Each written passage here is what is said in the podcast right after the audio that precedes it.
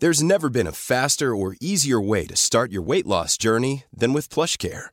PlushCare accepts most insurance plans and gives you online access to board-certified physicians who can prescribe FDA-approved weight loss medications like Wigovi and Zepbound for those who qualify.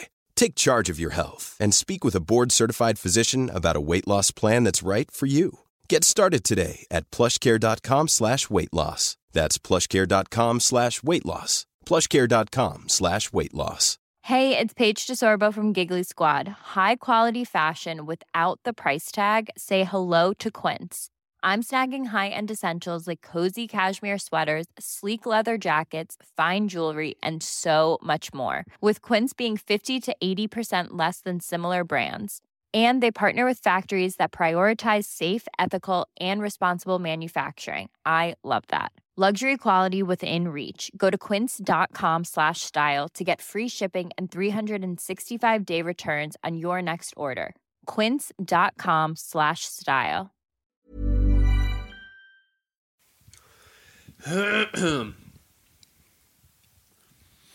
Då börjar det i stort sett bara. Hej och välkomna till Nörden och jag. Börja om.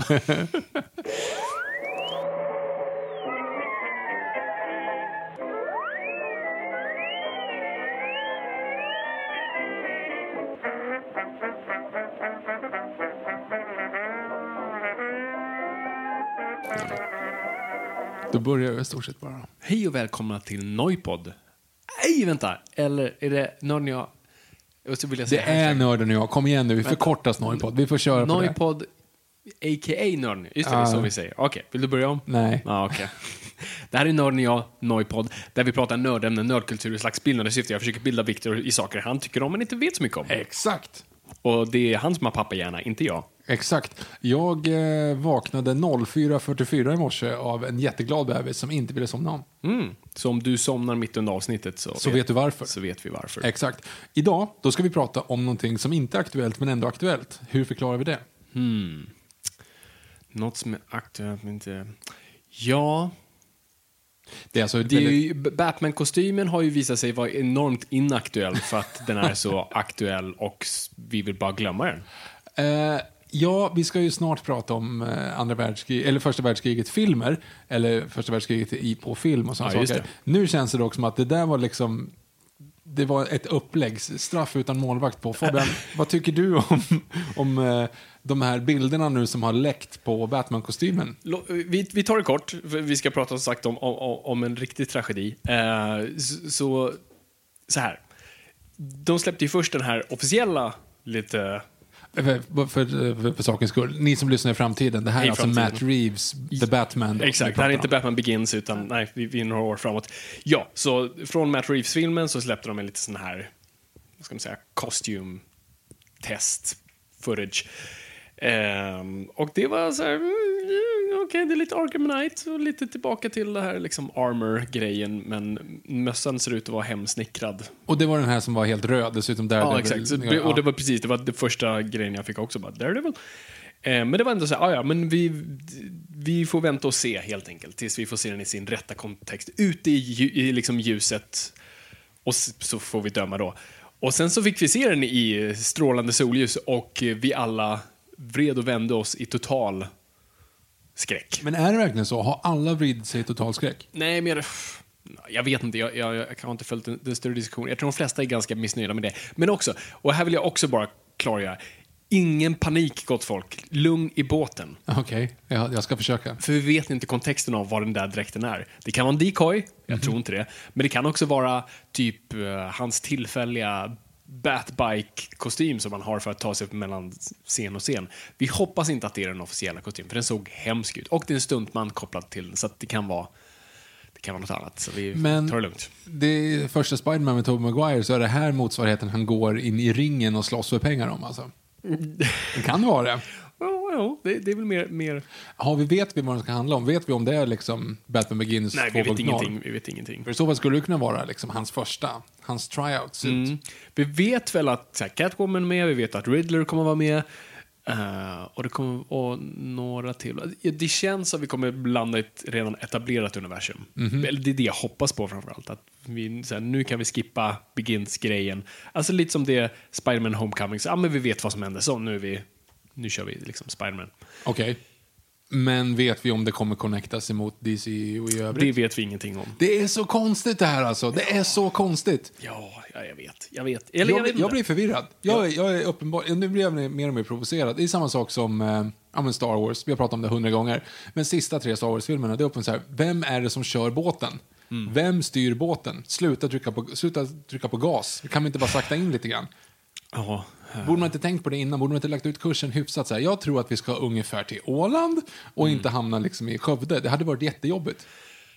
Ja, nej men det, jag, jag, jag, jag känner nästan att jag inte orkar bry mig längre. Jag, jag, liksom, jag måste bara... Och måste, där lägger vi alltså ner podden, Va- Nörden och jag. Jag får vandra ut i öknen och bara finna mig själv. Det är därför, så här, som nu, nu, si- nu sitter vi och dricker Aeropress-kaffe här, för jag har nördat in mig på kaffe. Hoho! Just det, så snart Damn kommer you, alltså, Jonas Paulsson. Så, så snart kommer alltså den här eh, spin-off-podden som är Mm. Bönan och jag. Exakt. Jag kommer gå igenom ett... jag och min airpress. och det är bara jag och min Airpress ja, podden. exakt. Som airpressar kaffe.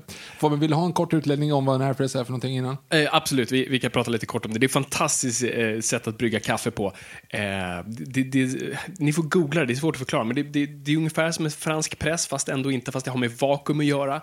Och du gör kaffet väldigt snabbt, väldigt gott och effektivt. Vad, vad tyckte du om kaffet, Viktor? Ja, det var helt okej. Ja, okej. Eh, det är helt fantastiskt i alla fall och eh, jag är väldigt glad och eh, det här kommer ruinera mig. Ännu en gång. I- Igen. Det här också. Ja, nej, det och med, med att lägga till här då så har Fabian uppskattningsvis 400 DVD-filmer i det här rummet vi sitter. Uppskattningsvis hyllmeter av serietidningar. Ja, och nu ska vi också, alltså jag är ju tvungen att packa ner lite. För jag gifte mig och jag var tvungen att Men Kompromissa. Visste, visste inte hon att det här kom med i paketet? Jo, hon visste det, men det var lite så här, "S- s- snälla älskling, kan, jag få in en bok här någonstans? Nej, jag ska ha min alien-box. Men det har ju redan en. Ja, men jag vill ha den där med specialgjorda uttryck. Så tills vi bor lite större så kommer det packas upp igen, men jag har, så förstår. lite har packats ner. Jag förstår. Nej, men jag menar bara så att du behövde en hobby, så att säga. Mm, så jag att, behövde en till hobby. hur som helst. Hur som helst. Det är inte därför vi är här. Det är inte därför vi är här. Vi Varför är vi här? Vi är här för att prata om um, Eh, eh, på något, något som har blommat upp igen eh, när vi snackar om typ rent intresse. Eller intresse. Men det känns som vi växte upp under tiden då vi blickade tillbaka på historien. Och så här, andra världskriget var så här peak-historia. Det var då världen gick samman för att så här, förenas mot någonting ont och förgöra det och förenas efter det. Och det var på något vis så här, det känns som slutet på Eh, läs Jedi höll jag på att säga. Inte alls läs Va? Jedi. Ah, nej, nej, nej, nej, nej. Ta, jag tar tillbaka det där. Eh, Return of the Jedi. Ja. Då, då vi alla hurrar och vi hör i bakgrunden We shall one! Eh, Mhm. Det kändes som det. Upplägget för kalla kriget, med andra ord. Det du pratar om. Eh, exakt, Mm. eh, för det var ju inte riktigt så. Men det är ju lite så, alltså, då vi, vi föds ju 1990, vi är på något vis, det, det är ju slutet av allt det där också, mitt, liksom som var emellan det där. Kalla kriget är över, muren har fallit, det, var det 90, nej, var 91? Nej, muren. Ja, 89-90 föll 89. i muren och sen så upplöstes Just det, det är ju Sovjetunionen. Sovjetunionen. Ehm, De som bor på Balkan hade kanske inte hållit, med om den beskrivningen av Nej. historien. Men eh, nej, troligtvis inte. Ehm, hur som helst, men det känns som nu vi ser, framförallt i, inom media, att ett annat krig har börjat liksom komma upp och talas om igen. Något som har använts väldigt sällan cinematiskt, vilket är första världskriget. Ett krig som jag känner mig enormt bortkopplat från, har lite koll på och var alltid det här kriget i skolan som man bara, ja ah, just det, det var ett krig innan också, men ah, ja, men tyskarna sög ännu en gång och eh, sen kom Hitler. Ah, ja. ja, och ja, det är ju lite, lite förenklat Exakt, och, och det är ju det det är. Och, och, men nu, framförallt, och varför vi just drar upp det här nu, det är ju främst för 1917. Eh, som, som är blivit en enorm succé för att vara, en krigsfilm. Och eh, väldigt många har sett den. Den var nominerad till massa, massa, massa Oscars, eh, vann inte så många, men eh, var väldigt favorittippad. Men eh, Parasite tog hem allt. Så, nej men så jag, jag tyckte det, var, det, det, skulle vara värt att prata om. För vi har pratat om andra världskriget. Exakt. Vi har, kul att... Um, exakt. Um, Return of the World War 2 Uh, Return of the Nazis. The Great War, the Episod 2. Episode 2. Return of the Nazis. Uh, exakt, och nu är det ju så här att det vi försökte få våra grepp omkring här, det är ju så här filmer under första världskriget. Och när vi satte oss ner inför det här så tänkte vi så här, ja, nu ska vi se massa film från första världskriget. Det finns ju... Uh, Alltså det finns ju för fan nästan ingenting. Nej, det är det som är så fascinerande med det. Och jag, jag tänker att vi ska komma in, försöka lista ut varför. Men först Viktor, i vanlig ordning, vad är din relation till första världskriget? Min relation till första världskriget är filmen Gallipoli från eh, tidigt 80-tal med Mel Gibson. Eh, under en period så var jag väldigt Mel Gibsonig, eh, som du kanske kommer ihåg. Det känns lite av vår generation. Tills han då liksom... Ja, tills han inte var lika rolig längre. Ehm, tills man började, han började ja, man får reda på hur han var på riktigt och inte bara i film. Hur som helst, ehm, då såg jag Gallipoli för att jag hade sett We Were Soldiers, hade sett Dödligt Vapen, hade sett Braveheart och tyckte att det liksom var så här, jävlar vilken cool kille, han kan inte göra dåliga filmer typ. Ehm, Passion of Christ såg jag dock också i samma veva, vilket är lite weird för jag tyckte inte att den var så bra, men det var ungefär som Men han var inte med i den. Nej. Han bara gjorde den. Ja, han var ju bara ansvarig. Så det räknas inte. I alla fall. Ehm, nej men så, här, så Gallipoli och ungefär på den nivån då när man var så här 11-12 och tyckte så här att krigsfilmer var väldigt fräckt. Så såg man den och det var så här, okej, det här var ju en ganska udda typ av krigsfilm.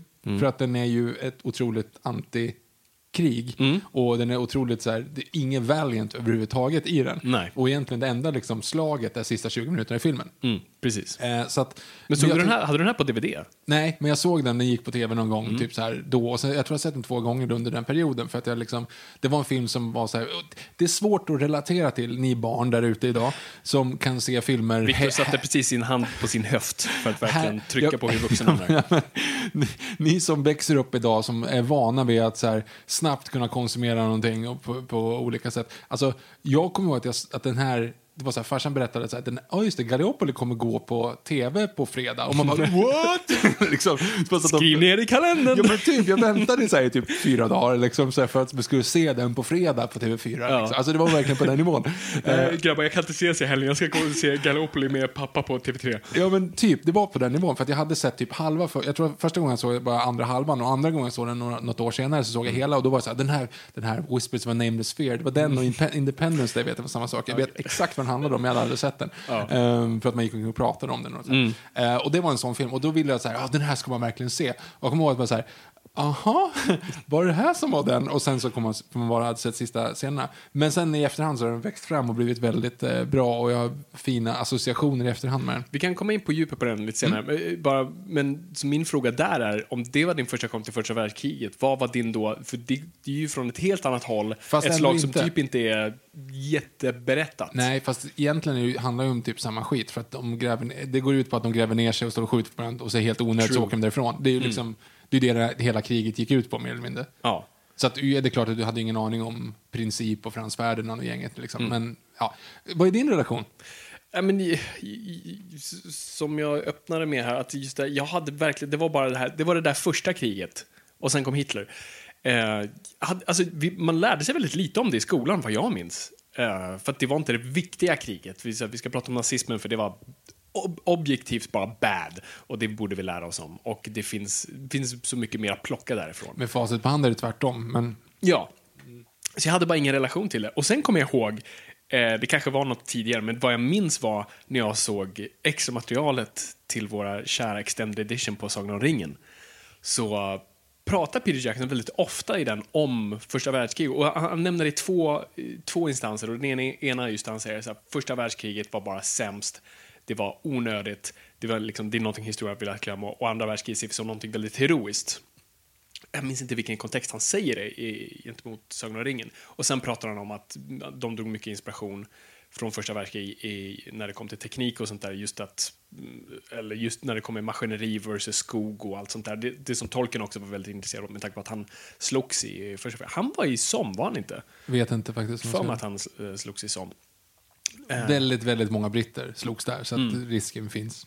Så då, men då minns jag bara att Peter Jackson pratade om det, om just att det var då det var hästar mot pansarvagnar. Och jag bara, oh, varför visste inte jag det här? Det låter ju asläbbigt och coolt samtidigt. Och det var, så här, det var det var på något sätt min ingång till det. Och sen har man väl snubblat på det här och var och sett några filmer, men jag har aldrig riktigt läst på om första världskriget, vilket jag skäms lite för. Men det är ju därför jag har dig. För att nu Exakt. kommer vi vända på stolarna lite. För Victor här, ni, ni som inte vet, men ni som har varit med ett tag, vet ju att han är ju lite av en historienörd. Och det är där han kan komplettera mig. Och där är också, alltid när man pratar om historia och pratar om länder så blir det lite känsligt. Därför så tar vi redan nu, om det är någon som känner att eh, historien blir förfördelad och att vi har fel eller någonting sånt där, så mejla oss jättegärna på jan.go.expressen.se eh, om ni har några eh, tankar på att vi säger fel. Eh, så rättelser skickas gärna dit. Eh, jo, så här. Det finns en text. Den släppte, jag är ärligt talat, är jättedålig käll- källhänvisning nu. Men eh, The Guardian har publicerat den i alla fall och den finns som en internet-meme lite härstvärs. Och det är ju om man förklarar första världskriget som en barfight. Eh, för att det är typ den bästa förklaringen jag någonsin har läst. Därför har jag tagit mig friheten att, Oh. att printa ut den och förkorta den. Så att, eh, Nice. Håll andan här nu i tre minuter Fabian. Mm. Och så ska jag läsa upp hur första världskriget skulle vara som en barfight. Germany, Austria, and Italy are standing together in the middle of a pub when Serbia bumps into Austria and spills Austria's pint. Austria demands Serbia to buy a new, complete set of suits because there's a there's splash on his trouser leg. Germany expresses its support for Austria's point of view. Britain recommends everyone to calm down a bit. Germany rolls up its sleeves, look at France, and punches Belgium. Belgium. France and Britain punch Germany. Austria punches Russia. Germany punches Britain and France with one with one hand, and Russia with the other one. Russia throws a punch at Germany, but misses and nearly falls over. Japan calls from the other side of the room, saying it's on saying it's on Britain's side, but stays there. Italy surprises everyone by punching punching Austria. Australia punches Turkey and gets punched back. There are no hard feelings though, because Britain made Australia do it. France gets thrown through a plate glass window and gets back up and carries on fighting. Russia gets thrown through the same window and gets knocked out, suffers brain damage, and wakes up with a completely personal, complete personality change. Italy throws a punch at Austria and misses, but Austria falls over anyway. Och sen då, eh, Italy raises both fists in the air and runs around the room chanting. America waits until Germany is about to fall over from substantial, substantial punching from Britain and France, then walks over and smashes it with a bar stool. It, then it pretends like America won the whole fight all by himself. By now, all the chairs are broken and the big mirror over the bar is shattered. Britain, France, and America agree that Germany threw the first punch and the whole thing is Germany's fault. While Germany is still unconscious, they go through its pockets, steal its, its wallets and buy drinks for all their friends. och det är ungefär exakt så det sker.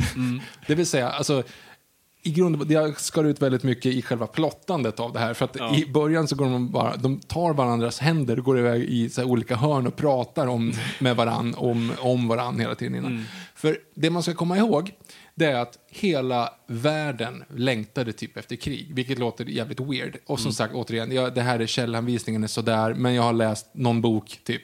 Ni Eh, lyssnar på Nörden och jag. ni lyssnar på Nörden och jag. Vi, vi tar det här by heart. Jag vet att jag säkert kommer ha väldigt mycket faktafel. Men ni får ungefär så här gick det till. Yes. Krig var glorifierat under den här perioden.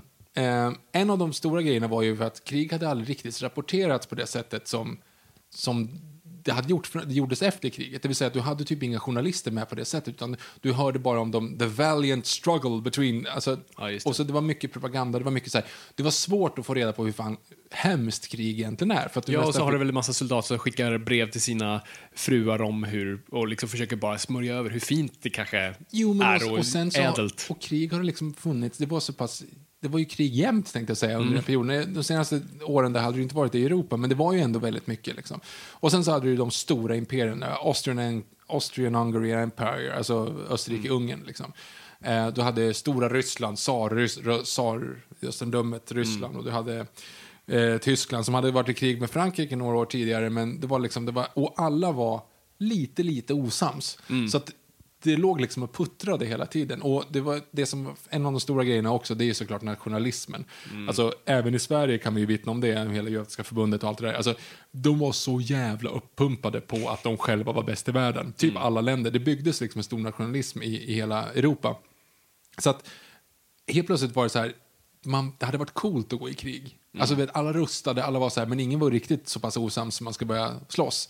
Och där tycker jag då allegorin med att eh, den eh, serbisk-bosniska nationalisten Serbi Gavrilo Princip skjuter då Österrike-Ungerns eh, kronprins Frans Ferdinand eh, i Sarajevo. Och det blir startskottet, vilket är så här, ja, alltså ärligt talat, nu är det ju så att Österrike-Ungerns för kejsare, han, hans fru hade blivit liksom skjuten 20 år tidigare och i Serbiens kung hade blivit också så här skjuten bara 4-5 år tidigare. Alltså det, är så här, det har hänt ganska mycket sådana typer av grejer av liksom, ja men, jag vet inte riktigt vad, vad man ska kalla det, men det är ju ändå liksom nationalister som vill liksom, hej, störta ockupationsmakten. För det ska man också komma ihåg, hela jävla världen var ockuperat av väldigt få länder. Det vill säga, England hade ju, inte precis, men om 60, ja inte riktigt då heller, för det är några hundra år innan, hade de ju tappat eh, USA, men de hade fortfarande Indien, de hade otroligt många kolonier i Afrika. Tyskland hade många kolonier i Afrika. Alltså, och i, eh, i Indonesien, eller vad säger jag, i Oceanien. Och det vill liksom, allt mer eller mindre styrdes utifrån koloniperspektiv. Hela världen i princip var liksom, eller en stor del av världen var styrd ur ett koloniperspektiv. Vilket också gör att, blir det liksom, det är därför man kan säga att det blev ett, ett världskrig på grund av en europeisk storkonflikt. För att de var ju överallt. Liksom. Ehm, även Australien var ju fortfarande under, under brittiska kronan, om man räknar så. Vilket de typ Det blir liksom en dominoeffekt. Ja, exakt. Så att, om det nu blir, det blir i alla fall så. Frans Ferdinand blev skjuten. Vilket är motsvarigheten till att Serbien går in i Österrike-Ungern som spiller lite grann på sina byxor och kräver Ja, app, app, app, nu får du betala för en helt ny kostym. Och det är det de gör. De försöker typ så här, ja fast vänta lite här nu, nu får du betala shitload of money. För att eh, det är ju ert fel och det finns ju inget bevis för att serbierna visste att den här snubben skulle göra det. Ehm, så att det blir dumt. De blir osams. Och Serbien är polare med Ryssland, Österrike-Ungern är polare med Tyskland. Tyskland är osams med Frankrike. Frankrike är polare med England, men England säger som sagt ah, vänta, vänta, vänta, lugn, alltså, vi gör inget dumt här nu. Så ryssarna börjar mobilisera. Och en av de grejerna som man säger liksom ska vara teorin, eller som hyfsat grej, det är att de hade ju en stor fortified wall, alltså de hade ju sina skyttegravsgrejer mellan Frankrike och Tyskland sen de tidigare krigen, några år tidigare. Så att det var liksom ingen idé att gå in där. Så att ryssarna, eller att tyskarna då ville ju komma in i Frankrike, då går de genom Belgien. Alltså de invaderar mer eller mindre Belgien för att ja, vi måste till, till Frankrike för där finns ingen skydd. Och vilket de gör att om de invaderar Belgien, ah fan, då måste ju engelsmännen in också. Ja. Och sen är allting igång. Ja. Och så är det mer eller mindre, alltså det som är det mest, in, alltså det som är mest fascinerande, om man säger så med kriget, det är ju att det är så jävla hemskt. Och det anledningen till att det är så jävla hemskt, det är ju för att folk var ju, det var ny teknik men gamla officerare. Ja, just det. Alltså- gamla tillvägagångssätt. Ja men old habits die hard om man säger så. Alltså det var ju, det, precis som du beskrev, när, när hästar stormar pansarvagnar. För det var ju så de gjorde. De gjorde liksom kavalleriattacker ut mot, mot eh, kulsprutor. Ja. Så vad gör ni? De är så, här, "Men så har vi slagits i flera hundra år. Ja, men det går ju inte längre. Alltså, ni har ju, och det är uppkomsten av giftgas och du har, du har liksom allting. Så det blev ju bara den typen av krig där man bara gräver ner sig och så står man och skjuter på varandra hela tiden. Men med det sagt så försöker de ju, det är ju inte bara det att de, de låg inte still. För man säger till exempel eh, All Quiet on the Eastern Front, eh, Western Front som, som är en, en känd bok. Eh, där, och så tänker man ju så här, när man tänker tillbaka på den boken, eller så, så tänker man, ja men just det, med skyttegranar, då låg de bara still och sköt på varandra i fyra år. Ja, det var ju inte riktigt så, för att de, de tog det är den ju, bilden jag har. Ja, exakt, för de tog ju typ 100 meter. Men då hade de ju fyra, fem trenches till bakom. Mm. Så då blev det ju en ny front med en 100 meters skillnad. Och sen kanske den andra stormade och så stormade de här och så stormade de här Ja, och så blev det liksom fram och tillbaka. Så att otroligt onödigt mycket folk dog för mer eller mindre ingenting. Hur många var det som dog totalt? Ja, dålig koll, men jag, jag, för mig att det är, knapp, det är knappt 20 mil som dör. Och sen det så är är helt ja, sjukt. Jo, men sen ska du räkna på att de som är skadade också eh, Mm. är typ nästan lika mycket. Plus att spanska sjukan som kom ut i slutet på kriget som, en som tog typ 20 miljoner till. Fast det är ännu mer förresten, för att om du räknar över hela världen så är det jättemycket. Men lita inte på mig här i siffror, men det är sjukt mycket folk som Mm. dör även i spanska sjukan. Det är nästan lika mycket folk som dör i spanska sjukan som sen i första världskriget. herregud. Eh, och det är på grund av spridningen här. Mm. För övrigt spanska sjukan som kommer från det- USA. Eh, ja, nej, men de säger att de kom, USA, de, via kolonierna i Afrika på något vänster för att det var något skepp och sen så spred sig. Men allting var ju, det låg censur överallt. Den enda som var Spanien var ju inte i krig. Så de hade fri press, typ. Eh, citationstecken fri press. Men så att eh, de berättade, Ej, alltså, vi håller på att bli jättesjuka här. Och alla andra säger bara, "Ja, ja, ja, det är, Frank eller det är Spanien som har gjort det här. Vi, vi är inte sjuka. Så att, eh, ja, det måste vara spanska sjukan där. Det är absolut inte vi som har gjort det. Vilket visade sig sen att ja, det var ju överallt. Eh, enkelt. Men det här leder ju till, alltså om du tänker att du är en, en ung eh, nationalistisk man. Ponera att du är dig själv i, i England, eh, eller i Tyskland får det vara. Och du får reda på liksom så här, nu, nu, är det, nu, är det, nu är det körigt i Europa. Liksom. Vi måste ta vår flagga och visa att vi är bäst i, i världen igen. Vill du vara med? Mon Dieu! Ja, men alla säger ju, alla säger ju typ ja. Det är liksom så här, det är klart vi ska gå ut och visa oss eh, tappra. Och du har de här stora processionerna med liksom så marscherade soldater med blänkande hjälmar och allting liksom på väg till fronten. Och sen så får du typ aldrig riktigt reda på hur jävla äckligt det är vid fronten. För att det är inte det som kommer ut såklart. Men det är också det här, som sagt, det första kriget där man faktiskt börjar säga, okej, vi kan faktiskt filma hur illa det här är och hur hemskt det är. Jag vet att kriget vid Krim, också samma sak, att det var en massa så bilder som, som kom ut. Men det här är ju det här är ju bland de första riktigt stora gångerna man faktiskt, folk hemma i citationstecken tv-sofforna, kanske inte under själva kriget men åtminstone i efterhand faktiskt fick se hur, hur hemskt det var. Mycket av det, med det sagt, mycket av det vi ser dock i tv är ju re reenactments. Alltså, Ja, det det. av filmerna man ser liksom, av trupper som springer upp och ner och sådana saker så är det quite obvious att de inte har stått och filmat ovanför trenchen och springer upp utan de gjorde ju, de gjorde ju sådana reenactments, alltså på plats dock, men ja, inte under heavy fire. Men det är Ehm, intressant, vi har aldrig tänkt på det att det är egentligen första krig, stora kriget med kameror. Mm. Första, ja, precis, första stora. Nu, don't quote me on it, men de har haft med Nej, men- tidigare. Men det är ja, ju... nej, men det är ju liksom, det är inte lång, alltså kameran är ju ganska ny och filmkameran är ju sproilans ny. Mhm. Ah, det är intressant. Oavsett i alla fall, det finns en, eh, det finns någon, en känsla av att, att alla vill ut och visa sig coola och de kommer dit och det går åt helvete. Hur som helst, ska vi nu prata om filmer i första världskriget. Och min första fråga till dig är ju då liksom, varför ser vi så få filmer om första världskriget medan vi ser shitload av filmer om andra världskriget? Yes. Och nu kommer jag precis som du här också bara, det här är ju spekulation från min sida. Alltså det här, är- jag har ingen så här, tung bok bakom mig och massa professorer som jag har konsulterat med, utan det här är bara egentligen min gissning. Eh, men som känns ganska självklar, så det, jag, det känns inte som jag vänder upp en ny sten. Eh, det är inte ett uttryck. Ehm, ja, nej men eh, det jag tror är just för att det är väldigt svårt att porträttera någonting där det inte finns tydliga sidor, inte en tydlig hjälte, inte en tydlig fiende. Eh, och som du säger, det är bara misär. Det är inte kul att titta på. Plus man måste också komma ihåg kontexten som, alltså när filmer görs. Så att om vi kollar just alltså, mitt, eh, början på mitten av 1900-talet. Alltså, som du säger, nationalismen är hög. Efter första världskriget, in på andra världskriget, nationalismen är fortfarande ganska hög. Vi vill inte prata om hur vi alla bara fuckade ur, fuckade upp och bara gick hem. Eh, det vill vi inte se, för att vi vill liksom proppa upp oss själva som de här stora, vare sig det är England, eh, Frankrike vill absolut inte prata om, det, Tyskarna definitivt inte, eh, amerikanerna vill bara glömma. Det, det fanns inte utrymme för att göra sådana filmer. Och sen kommer andra världskriget och efter det då är liksom de allierade hjältar. Och då ska vi inte sitta och göra film på då vi inte var de där hjältarna. Varför ska vi göra det för? Det, det här är ju vår storhetstid. Så att det fanns aldrig riktigt utrymme att göra antikrigsfilmer. Antikrigsfilmer blir egentligen en stor grej, det är absolut alltid funnits, men det blir ju runt Vietnam där. Då, då börjar alla liksom, ah, okej, det här är ganska uppenbart fel, eh, det här borde vi eh, titta lite mer på. Och då görs fler filmer liksom, även kopplat till andra krig och sådär. Um, så jag tror det är mycket bara det. Alltså det, det är otroligt svårt att porträttera. För beroende på vilket land som gör det också så har, har det helt olika förutsättningar för hur kriget ser ut. Och, ja, och vem vill göra det? Så det är väl det som är min så här korta.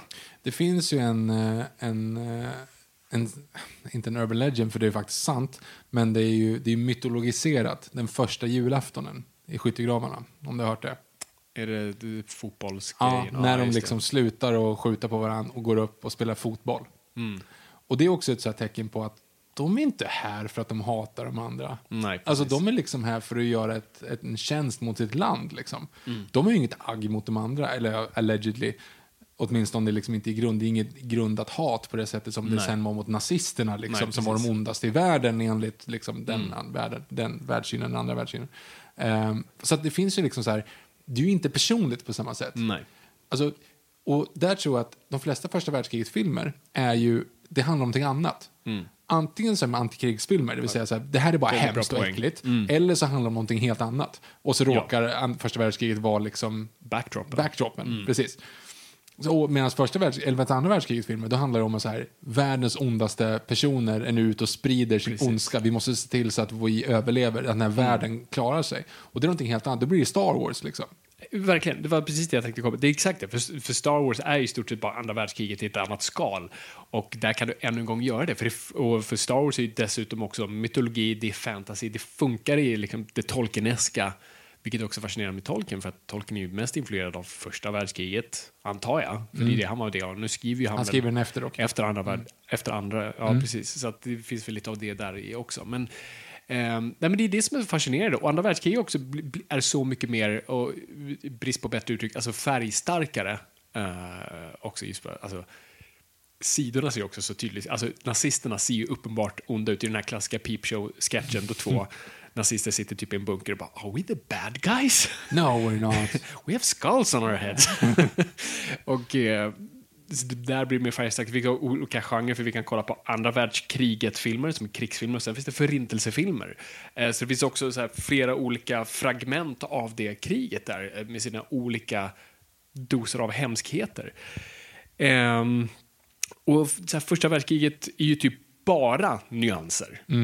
Och, men vi kan inte riktigt så här, pinna ner vad exakt Jo, men och, det, vad. och det är där som är det stora problemet. För det är, en, det är ju en politisk kom, konflikt Mm. som handlar om så här, vilka, är- vilka är kompis med vilka. Men Italien var ju med de andra, var ju med Österrike, Ungern och Tyskland från början, men vänder Mm. sida mitt i kriget till exempel. och alltså det är så här, det, det, är liksom, det finns ju ingen riktig, det finns ju ingen riktig logik. Ty, eh, ryssarna gjorde ju samma sak, det blev ju eh, revolution, så de Ja, drog ju sig ur mitt i också. Mm. För att de bytte ledning. Alltså, det, det finns otroligt mycket svåra, svårbegreppbara grejer. Ja. Vilket gör att när du även liksom sen, alltså du är väldigt sällan, du är väldigt sällan du ser någonting heroiskt i en första världskriget-film. Nej, verkligen. Det mesta är så här, det mesta du ser skulle jag säga, det är ju rabiata officerare Mm. som, som, gör baser, som gör felbeslut baserat på ja, men fel, fel grejer. Liksom. Verkligen. Det är typ den gemensamma nämnaren i I alla. nästan alla filmer, eller hur?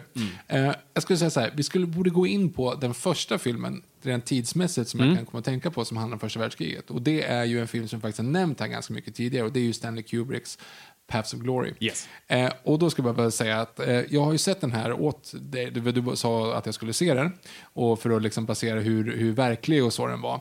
Eh, och jag ska säga så här, ja men, men Blaze of Glory, den, den är ändå så här, jag tycker Will Ferrell gör en helt okej tolkning. Jag förstår, inte riktigt, jag förstår inte riktigt det här med konståkning, jag trodde inte att det var så jag, jag, tror, jag tror jag... Fel film.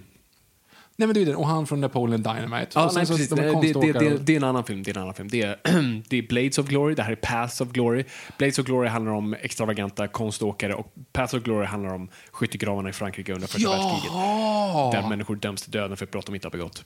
Ja, ja, men jag tyckte att det var lite sådär svårt att få in i konceptet av... av ja, okej. Du men- kanske såg det som en så fin metafor för, liksom, för Nej, men jag tänkte att kriget. det här utspelade sig på västfronten. Det var, Ah. Okej, fast det kanske inte gjorde det. Nej, jag tyckte nej, att det var... Alltså tidsenliga kläder var sådär, enligt en Ja. yeah. felkastad Will Ferrell. Där, så. Okej, ja, men då så. Men då förstår jag. Nej, men då får du prata om den. Okej. Men vi såg ju den här inför Kubrick-avsnittet. Ehm, lyssna på det. Jag tror det avsnittet är lika långt som Barry Lyndon, om inte lite längre. uh, ber om ursäkt för det. Nej, men så, så vi såg den, jag hade sett den innan såklart, men vi såg den tillsammans då. Eh, och eh, du, liksom jag första gången jag såg, blev bara, man blir så otroligt gripen av den filmen. Och, och det är så, det är sån korrekt det är så korrekt sätt att porträttera. För den här filmen kom i en tidpunkt då sådana här filmer inte gjordes. Antikrigsfilm, första vägen, varför, det här, vad är det här, 1960? 60... Ja, Ja, det är typ 60 1960 tror jag, 59-60. Så att det är ju, alltså de är ju fortfarande på, alltså lever fortfarande på bruset från andra världskriget. Bara yes, vi tog hem det här och fan vad bra att vi räddade världen. Och så kommer Kubrick här och bara så här, ja men kolla på den här grejen. Nu porträtterar ju det inte eh, amerikaner, det porträtterar fransmännen och ja, eh, amerikaner har aldrig varit så förtjust i fransmännen, men eh, ändå. Det är ju fortfarande liksom Kirk Douglas som är den här manligaste av manliga amerikanen som gör den här slags filmer, vilket också inte var någonting, han var Spartacus, eller det var han sen, men han hade, det var den bilden man hade av honom, han var den här typiska hjälten. För övrigt, rest in peace. Rest in Peace. Ja, det, det var därför jag såg honom för ett tag sedan. Jag ville se min favorit Kirk Douglas-film, vilket är Paths of Glory. Har ni inte sett den? Den är otroligt bra. Kirk Douglas gör en fantastisk prestation mot sin typ. Eh, men där har vi lite den här klassiska grejen av att det, det är ju uppenbart ledarnas fel. Så, så simpla plotten här är att eh, en, en general får order från toppen att eh, i stort sett de, gå in i skyttegravarna, se till att de genomför en attack eh, mot tyskarna som i stort sett är omöjlig. Typ alla kommer dö, men du kommer få en promotion av det. Så att det bara gör det. Han tar det gärna. Han ifrågasätter det bara en gång, men sen bara okej, okay, men jag kommer ju få min fina promotion. Så att, eh, ger orden, alla protesterar emot det här kommer gå åt Vi kan absolut inte göra det här. Det genomförs ändå. Alla dör. Alla dör. och eh, det, på grund av att det går bara haywire så eh, blir det reträtt. Då. Så eh, fransmännen flyr och drar sig tillbaka.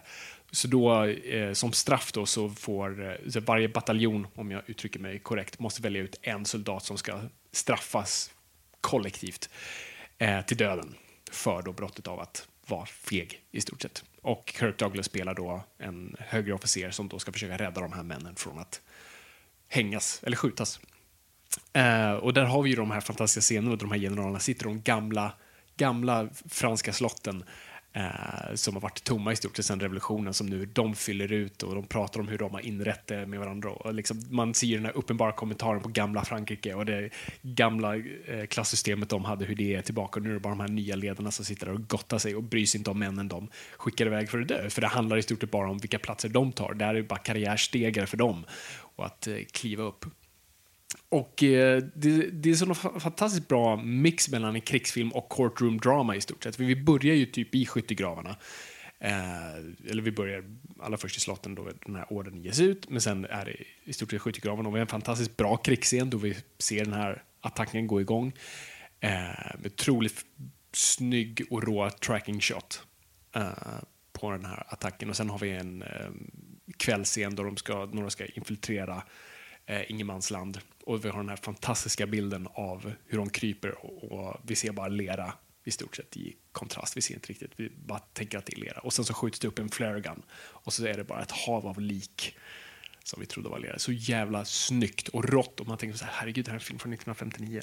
Den ser typ modern ut. Ja, Ja. Och, och ser man den nyrestaurerad också, alltså Kubrick var ju mästare på foto, den är svartvit men den ser otroligt jävla krisp och vacker ut. Eh, och sen går vi över då till stort en, courtroom drama eh, då Kirk Douglas försöker rädda de här männen. Och det är, mm, jag ska inte spåra något, men det är i stort sett omöjligt på grund av att det är de här, det är ledarna som ser efter ledarna. Och, eh, mm. alltså, så här, utifrån det perspektivet så håller ju inte riktigt vår tes här nu kring antikrigsfilm. Men så här, mm. den håller på ett sätt, för att helt plötsligt så ska vi göra en antikrigsfilm, men då kan vi inte ta det om när vi befriade Europa, utan då Nej. måste vi göra om det andra kriget, du vet, det där andra. Ja, liksom. eh, och därför håller jag tesen, men samtidigt så tidsmässigt när den görs är det lite weird att den görs redan nu, för att jag, mm. som du sa innan, i mitt huvud så har alla antikrigsfilmer börjat poppa upp efter Vietnam. Mm. För då blir, ju, då blir ju fråga två. Alltså, om du leker utifrån perspektivet, Forrest Gump pratar om det här också, eh, när Lieutenant Dans familj mm. har ju slagits i alla krig. Ja, just det. Det är ju, det är, det är ju en grej. Liksom. Mm. Det är montaget. Han slogs i, i befrielsekriget, eh, sen i amerikanska inbördeskriget och sen var det i första världskriget och i andra världskriget och nu ska han också få göra det, mm. äntligen. Liksom. Det är lite samma känsla inför NAM då, mm. eller åtminstone i hans perspektiv. För att det var så här, ja, men de som gick ut och slogs i första världskriget, de hade ju den aspekten. De hade ju också så det heroiska på grund av sin nationalism och inte på grund av vad, vad som faktiskt hade hänt. Mm. Men det måste ju vara samma sak inför Vietnam, det vill säga när Alltså, kan du höra att din pappa har varit och med i det här stora, slogs mot det här stora monstret, eh, nazisterna liksom. Mm. Och nu ska du få chansen att göra likadant. Och så hamnar du liksom i, i djungeln och, och skjuter på folk som du inte riktigt vet varför. Mm. Och, alltså, du vet, det, så, det måste ju vara samma känsla. Mm, eh, stickspår. Nej, eh, och sen då så, om man bara tänker till hur Ja, vi kan avsluta med det här istället, för det är konsekvenserna av kriget. För du är aldrig riktigt med i filmen. Jo, mm. om vi fortsätter här nu då. Ja. Eh, filmmässigt. Tänkte jag ska göra några nedslag. Eh, Paths of Glory rekommenderar 100%. Oh, gud ja. Alltså, eh. det, det, jag skulle nog, vi började på topp, det är min favorit om vi kollar på första världskriget-filmer. Mm. 100%. Och sen kommer då en film som, som jag har upplevt väldigt många gånger, säger så, mm. och det är ju Gallipoli, ja. som jag nu fick dig att se. Yes. Vad är dina spontana reaktioner på den? Alltså, det, det är Peter Weir som har, som har gjort den, vilket jag var eh, förvånad över. Eh, för jag är ett stort fan av Peter Weir. Eh, han har gjort, uh, alltså, är din favorit, Master and Commander, eh, Truman Show, eh, Witness. eh, han gjorde eh, The Way Way Back, eller The Way Back, inte The Way Way Back, The Way Back. Var inte så långt bak. Det finns en som jag för mig heter Way Way Back och så finns det The Way Back eh, som var hans senaste film, som är jävligt bra. Som jag såg lite kopplingar till i den här. Um, otroligt så här, bra och versatil regissör. Jag älskar såna här gamla regissörer som kan typ sätta sig i vilken genre som helst bara göra riktigt jävla bra. Eh, det här är typ en av hans första filmer. Uh, så det var det här 1980 tror jag. Ja, och något år efter, det är ju efter eh, Mad Max. Ja, det är efter Mad Max och med. Okej, ja, han ser riktigt färsk ut, Mel Gibson. Det, han är så jävla ung. Men, eh, och, och jag kollade på budgeten, det var typ två miljoner dollar. Eh, det är en australiensk film. Eh, och det, man märker, det jag märkte var så här, ah, det här är en film för människor som, fatt, som vet vad det här slaget var. Eh, den spelar för australienare. Och jag som inte har någon kontext av det här slaget, jag vet inte, det kanske är jättestort. Jag, jag, jag är allmänt bara historiskt dyslektisk och dyslektiker i, i verkliga livet. Ja, alltså, jag, jag, jag fattar, jag kan inte historia så bra. Men, men så, så det här slaget kändes som någonting som, okej, det här är för australienare, inte riktigt för mig. Eh, det känns som något för dem. Och filmen känns en aning billig och lite liksom... Ja, den, den, den, den, den ringde inte på mina klockor om man säger så. Jag, håll, jag håller ju inte med, för att det är ju inte så. Den spelar för australienare, verkligen. Men den spelar ju också för australiensarna som inte riktigt visste om vad som hade hänt. Och alltså, för filmen görs ju, den, den är ju lite så här production hell, det tar sjukt lång tid innan den eh, görs och innan den får founding för att ingen tror att den här kommer inte någon vilja se liksom. Okej. Eh, En jävla downer. Eh, men sen så är det typ så här, ungefär som det, det de försökte göra med filmen Australia, det vill säga liksom så här, hylla australiensiska folksjälen typ. Det är ju det de gör här också. Eh, filmen går ut på att Mel Gibson och den andra snubben som jag inte kommer ihåg vad han heter, är liksom, det, de är, de är eh, track runners, alltså de springer. De är väldigt duktiga på att springa. Så du har en ganska lång utläggning, första halvtimmen handlar mer eller bara om att springa fort. Ja. Det är det enda du det är lite så här, det är lite Luke Skywalker, att han, så här, han som springer fort, huvud, vår huvudperson då, han pratar om kriget. Jag vill också joina men han är för ung så han får inte liksom. Så han ska åka och springa istället, springtävlingar. Han är svinduktig på att springa. Och Mel Gibson är från en annan del, han är lite mer den världsvana, coola snubben som också är bra på att springa, men inte riktigt lika bra. eh, och sen så får man följa då, så kommer de underfund med att de ska ta värvning. Eller han, springsnubben vill det, Mel Gibson vill inte det, för att han är helt ointresserad. Eh, och så går, åker de och ska ta värvning för att göra de här tryoutsen. Och sen så är de i armén och utbildas i Egypten och sen mot här, sista akten, sista delen sista akten, då hamnar de faktiskt i strid. Det är liksom hela filmen. Och hobbyanalysen på den är ju att ja, men så var det ju, typ. Alltså, jag menar, du, du, du sitter på andra sidan jordklotet. Och jag gillar verkligen den tanken också när de håller på att prata. När du träffar Mel Gibsons pappa, när han säger liksom så här, I want to enlist. Och bara, men varför ska du göra det? Det är ju liksom, det är ju engelsmännen du slogs för. De sköt din farfar utanför Dublin. för, du vet, så här, hela, varför ska du slåss för ockupationsmakten? Liksom? Och det har man aldrig riktigt tänkt på att så här, britterna tvingade australiensarna mer eller mindre att slåss. Men, men australiensarna var ju så här, "Ah, ja men ja, okej. Alltså, de, de var ju bara, de var ju en koloni, citationstecken, i, det, i den aspekten. Men ändå så var det så här, men det, var, det, är vår, liksom, det är vår rätt. Vi måste göra det. Vi måste stå upp för moderlandet och, och, och drottningen. Och sen när de väl kommer dit så behandlas de som skit. Alltså det är, liksom, det är motsvarigheten till arrows are expensive, send the Irish. Alltså, och Gallipoli var ju ett total militär katastrof, verkligen. De landsatte ju 250 000 australiensare som skulle, ta, som skulle försöka hitta vägen till Kon- Konstantinopel för att öppna liksom, mot vägen, sjövägen mot Ryssland. Men de fastnade mer eller mindre på en strand i ett halvår och sen fick de åka därifrån. Det är liksom hela, det är det som hände i Gallipoli. Det hände ju ingenting rent liksom. Eh, det, rörde sig, fronterna rördes ju aldrig där liksom. Utan det var ju bara shitload av folk som dog. Ehm, både på grund av, mest på grund av Winston Churchill om man ska vara ärlig. För han var typ han, en av hans, de som upp strategierna. Han eh, var ganska liksom, han var inte så omtyckt efter första världskriget. Och sen så redeemade han det ganska rejält. Ganska rejält. Ehm, De, de, de har ju verkligen typ nästan en eh, Pass of Glory-scen där också, där också har de här generalerna som bara keep on going. Oavsett vad, liksom, trots Mm. Jo. att folk bara faller som flugor. Jo, men och det, så var det ju. Mm. Alltså, de, de hade ju den gamla taktiken att skicka upp hur mycket... Alltså, attackeras, kom, spring mot fienden. Liksom. Mm. Och de men de har ju kulsprutor. Nej, nej, men det här funkar i flera hundra år. Spring mot fienden. Ni har Liksom. bajonett. Ja, exakt. Och de, fick ju inte, de hade ju inte skott heller. Nej. De, de säger ju det, så här, ladda ur vapnen, spring med, ta bajonetten. Liksom. Varför i helvete nu man skulle göra det? Men, ja, i alla fall. Och, um, för sista, sista 20 minuterna, då är det, då som, det är då man är på Gallipoli. Liksom. Och jag tror inte att det är meningen att du ska veta hur det går, hur det går och varför de är där. Och så, utan du är ju perspektivet av en soldat.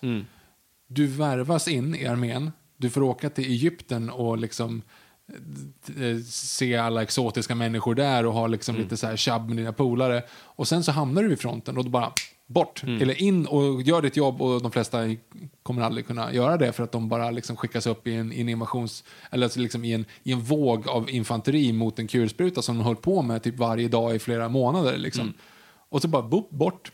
Och det är ju hela storyn. Det är Ja. ju liksom storyn. Det är ju så här, hur du bygger upp... Alltså, alla människor som var där, alla människor som dog i kriget hade ju ett liv innan. Alltså de hade allt det här. Och det, All Quiet on the Western Front är ju samma, samma princip. Alltså det, du pratar om att trots att ett människoliv dör, äh, okej, stickspår mellan All Quiet on the Western Front. Boken eh, som för övrigt då, eh, som handlar om första världskriget då, får följa en soldat genom massa hemskheter, eller massa soldater med massa hemskheter. Och poängen i hela den boken är att i sista, liksom, sista strofen i sista kapitlet är ju att en av huvudpersonerna då som, som är en namnlös soldat dör, blir skjuten. Då i, i oktober 1918. De vet att det bara är en månad kvar till kriget är slut. Det är också liksom för att verkligen trycka på poängen att det är helt onödigt. Men den soldaten dör. Och det som rapporterades hem är inte ett nytt på västfront, eller på västfronten inte ett nytt. Det vill säga ingenting hände. Men det var fortfarande en person som har följt en hel bok som dör. Ja. Och det är liksom poängen. Alltså så här att krig är onödigt. Och alla de som är där, ja men det är helt meningslöst. Och alla de som är där har liksom haft ett liv och byggt upp någonting annat. Och så bara dör. Och det är ju, det är en viktig poäng. Jag ska, på stickspåret, så vi ska komma tillbaka i ett stick- stickspår. För det är här vi ska ständigt komma tillbaka till. För det är här jag tycker på något sätt så här, I ett andra världskrig i film så finns det ju tydliga sidor. Så här, gör en andra världskrig film där nazisterna är hjältar, då har du gjort det fel. Ehm, jag tycker första världskriget, typ den så här, ingrediensen jag tycker nästan alltid man ska så här, bocka av är meningslösheten. Just hur meningslöst kriget är, det som sker i filmen, alltså att allting, vad det än kostar så går det till ingenting. Och det tycker jag är den viktigaste komponenten. Det har Gallipoli, så jag ska avsluta tanken på den då. För att allting du beskriver, det, som det, när du beskriver filmen nu som du gör, jag blir typ taggad på filmen. Men jag har precis sett den. och, jag, och jag ser inte framför mig, alltså filmen har de komponenterna, men samtidigt, jag tycker inte det levereras. Eh, så på papper, skulle du bara berätta om den här filmen skulle jag vara hur uppumpad som helst och jag skulle bara, nu måste jag gå och köpa den här filmen. Men när, när jag väl ser den, eh, och varför jag tror jag fastnar i de detaljerna och säger, jag vet inte vad, vad striden handlar om, jag vet inte vad det är, och du kanske säger att det är poängen. Men då hade jag behövt karaktärer som jag brydde mig om och som jag gillade för att jag skulle förankra mig med någonting. Och jag är inte så, så himla förtjust i, alltså Mel Gibson är väldigt, han är ju Mel Gibson, alltså peak Gibson, då var han ju väldigt liksom Snygg. magnetisk och snygg och han kunde liksom vara i vad som helst, man, man, man följde honom. Eh, Så, så länge du inte gick in i kyrkan med honom, det, dum idé. Ehm, men annars kände jag bara att jag inte riktigt brydde mig. Och eh, på så vis kändes den meningslös. Men, eh, men jag förstår, men jag kan tänka mig som en australienare så, så betyder det mer. Men ja, jag förstår idén, men jag tycker inte det levererar. Men då tycker du snarare att, att porträtteringen av karaktärerna i så fall är ointressanta? ja. För där är Och jag också- tycker inte scensättningen är särskilt liksom, super... Det är, så, det är så låg budget också, så de kan inte göra super Nej, men det är ju låg budget. Det är ju en, alltså det är motsvarigheten till Arn Knights Templar, Mm. liksom, fast i Australien. Alltså det är så här, någon som har tagit vatten över huvudet och göra liksom en episk film, Ja. fast de inte har budget till det. Ja, och det är fortfarande Peter Weir, så han Mm. kan fortfarande leverera väldigt mycket mer, men det, det når inte ända vägen fram. Ja, jag, jag gillar den i alla fall jättemycket. Ni får jättegärna gå in och kolla på den och sen så gå in och skriv till oss på hashtag NOJPOD. Mhm. Ehm, men som sagt, den genomgående är ju att det här är helt onödigt. Ja, och eh, bara också då följa upp, så du pratar ju om boken All Quiet on the Western Front som, som, som du läste i skolan tror jag va? Eller hur? Ja. Eh, jag inte, det finns ju två eh, filmatiseringar av Den ena är från, jag tror 1930, eh, som jag inte har sett, vilket jag jä, jävligt synd inför det här. Men jag har sett den från 79 tror jag den är från. Kul! Eh, yes, eh, som är en tv-film och den är ganska värdelös. Eh, så den, och den verkligen bara, alltså ser du, det är lite samma sak som Sorry Gallipoli, fast den här är värre. Eh, det är att så här, du förstår inte storheten med boken. Alltså, du, får, du kan inte riktigt förstå varför den här storyn är så cool. Eh, den känns ganska, än en gång, meningslös på fel sätt. Eh, för den bara så här, den känns ren, alltså när man adapt, det är ju det här, det är fascinerande att se utifrån Mans perspektiv, för att man tänker sig, ja men jag tar en bok, eh, som är ett mästerverk och jag bara adapterar boken rakt av så blir det ett mästerverk. Och det är typ det de har gjort och det faller så himla platt för att du får inte kontexten av dessa boken för böcker kan ju gå så mycket djupare därför måste film göra det som är sant för sitt media. Och eh, det gör inte den här. Så den porträtterar scener som jag kan tänka mig boken är fantastiska och färgstarka. Det finns en scen i filmen som jag verkligen tänkte på det på. Det finns en scen då vår huvudkaraktär eh, är i en eh, ja, ingenmansland och han ger sig ut. Han hamnar i en krater och så kommer en fransman förbi, vår huvudkaraktär är tysk då, eh, som man då knivsticker, vad vi tror till döds, men han lever fortfarande. Så han ligger typ i och nu, också, nu när jag berättar det här så låter det bättre än vad det är. Så den här fransmannen ligger typ och dör långsamt under typ ett dygn och eh, vår huvudkaraktär vet inte vad han ska göra. Så man ser att han typ under ett dygn sitter och tvekar, ska jag liksom i stort sett ska jag döda honom snabbt, ska jag låta honom förblöda, kommer han ropa hit och det här är tankar jag lägger in i hans huvud, det här är ingenting han säger. Eh, för det är bara, det är otroligt dåligt blockat, det är otroligt dåligt porträtterat och eh, det är inte så spännande att titta på. Eh, men det är en sån här scen som man kan tänka åh det här måste vara ascoolt i boken. Jag kan tänka mig hur den här karaktären sitter och tänker på den här stackars fransmannen som långsamt dör. Han funderar på de här sakerna. Vad ska jag göra? Vad, vad är det rätta? Vad är det mänskliga att göra i den här situationen? Kommer, kommer någon komma och hämta honom? Kommer jag dö nu? Förtjänar han att dö? Vet, alla de här grejerna. Men så bara faller det platt i den här filmen för att vi har ingen kontext. Så den, den är, känns jävligt onödig. På så vis. Så det är tyvärr den jag sett och liksom, det är min koppling till För det är på något sätt, om man, om, om man nämner första världskriget så är det det, All Quiet on the Western Front är det första som dyker upp i mitt huvud rent mm. filmmässigt. För det känns som det mest kända. Troligtvis då inte den här porträtteringen, men det, den titeln är så stark. Och det är också en bok som nu, han är Erik Marie, jag kommer inte ihåg vad han heter riktigt. Han heter Maria någonstans, författaren, skitsamma. Eh, vi kan få det utan Google. Eh, han han skrev den här boken då 1929 som mm. blev väldigt hyllad och väldigt läst. Men så fort eh, nazisterna kom till makten då var ju det en av böckerna som brändes i bokbålet. Ah. För då var ju det så här, ja just det, vi kan ju inte gå omkring och ha en bok som alla läser om hur krig är meningslöst. Ja, liksom. Så den, den eh, rök ju då när de klev in. Ah, shit, jag har inte ens tänkt på att det, man tänker på att det var liksom judiskt material som... Ah, nej, nej, nej, den var ju antikrig. Ah, det. det går ju inte. Hmm. Intressant. Eh, ja, eller hur? Men eh, en, en annan stor första världskrigfilm som, som jag tror, liksom, man, som jag hade glömt bort från första världskrigfilm, som han är det, det är ju, det är ju Lawrence of Arabia. Mm, just det. Men som jag bara inte tänker på som en första världskrigfilm. För att man tänker på att jag hade en film på 70 mm, den har den här kända, det mest kända övergångsklippet i världshistorien. Uh, um, ni som vet, ni vet. Och... Uh, hashtag. Yes. Hashtag, hashtag. hashtag ni som vet, ni vet. Eh, och den är mer liksom en cool, det var ju del av det här liksom slutet på, på Hollywoods stora era, de gör de här supereposen på tre plus timmar, skjuter på widescreen och 70 mm och bara kastar allt man har. Mm. Och du har en, inte allt för onykter Peter O'Toole där. Nej. Det är bra. Men det är den bilden jag har. Jag har inte sett den på, på den senaste tiden. Jag bara mm. minns den jävligt episk och jävligt cool också. Bara visar en annan del av första världskriget. Och jag tror därför jag inte tänker en gång på den som första världskriget. Uh, och det, uh, det, är det jag tycker är så fascinerande med, med första världskriget också. Jag, man, jag, tror man skalar ner det för att jag tror vi, vi sätter det i samma filter som andra världskriget. Vi tänker Normandie och så tänker vi liksom in i Frankrike och befria och sen bara. Mm. Uh, och jag tror man tänker lätt på skyttegravarna, ingenmansland. det, är som, det är det som är lite coolt. Andra världskriget har inte samma... Jag kan inte nämna slag till andra världskriget dock. Jag kan, ja, men det är så här, ja, stormningen av Normandie. Iwo Jima. Ja, just det. Ja. Ja, hela de där. Pearl Harbor. Pearl Harbor. Jo, i och för sig, så du har de där stora kända grejerna. Men, men jag tänker så här, men, men första världskriget har de här, så här punkterna. Ja, i och för sig, ja, nej, jag tror, jag tror jag bara inte tänkte på de grejerna. För mm. det jag tänker på första är just här, eh, No Man's Land. Mm. När man hör det, för jag, vi ska komma till 1917, men jag såg och de bara nämner det så fick jag gåshud. För mm. man vet direkt vad det är för någonting. Och det är bara, mm-hmm. det är fel, det är, it's bad. Jag vill ju bara inte veta. Um, och samma sak med Warner Woman, de nämner det och man vet exakt vad det är och det, bara, det, det är inte bra. Och sen som och alla de där. Det, det finns, finns ändå några termer som så här, skrämmer skiten ur någonstans. Andra världskriget inte har samma punch i. Nej, men jag kan ha fel. Nej, men jag förstår vad du menar ändå. Um, det som är det som man ska bara lägga till här också när man säger att de inte hade något agg mot varandra. Det är klart att de hade det, för sen mot slutet av kriget kom ju till exempel klorgasen. Mm. Eh, de gjorde ju ganska mycket Eh, alltså, de var ju inte så schyssta, tyskarna till exempel, när vi invaderade Belgien. De var ju en del liksom, bränningar av städer och sådana saker som inte var som absolut inte var liksom, det var ju mot krigets regler om man säger. Men det är ju fortfarande Det inte... fanns liksom, regler även då. För jag tänker, Jo, men du tänker, alltså Haagkonferensen, är inte det man säger? Det här att du inte får bomba civila mål och du får inte Sattes det använda upp då? Mm. gas. Nej, men innan. Men du, det gjorde de ju. Och det gjorde båda, jag Okej. säga då.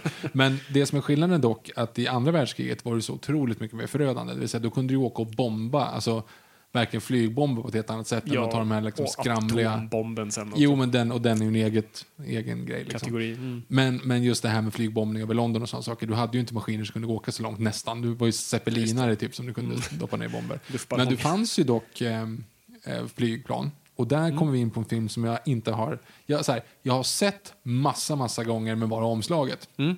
Flyboys. Åh, på en Statoil nära dig. Jag tror, jag, jag tror inte jag har varit på en enda bensinmack utan att ha sett den i rehyllan där på 2 för 99. Mhm. 2 för 59 kanske är nu. Eh, Jag har inte heller sett den, med eh, Franco, Ja, eh, James exakt. Franco. Ja. Eh, Nej, inte heller sett. Det är, här, det, det är för mig typ den klassiska DVDn. Okej, typ nu. Vilken var alltid den DVDn som, alltid, här, som man alltid såg förut? Sällskapsresan. Ja, den, den var en sån. Det är en sån. Men jag. Scorpion King. Ja, ja, men, men eh, nu tycker jag så här, London has fallen dyker upp lite Mm. väl ofta. Alltså det är en, den typen av grejer. True, Alltså true. en, en storsatsande film som ändå släpps på DVD, då finns de där. Ja, liksom. precis. Och det måste varit i brytpunkten där när det börjar sluta säljas DVDer. Ja, jag, Och där är de kvar. Liksom. och det säger ju en del om mig att jag säger Statoil också, för de finns inte kvar. Nej, men till Circle K. Nej, ja, ja, det ja, det säger någonting om dig. Jag har inte sett den.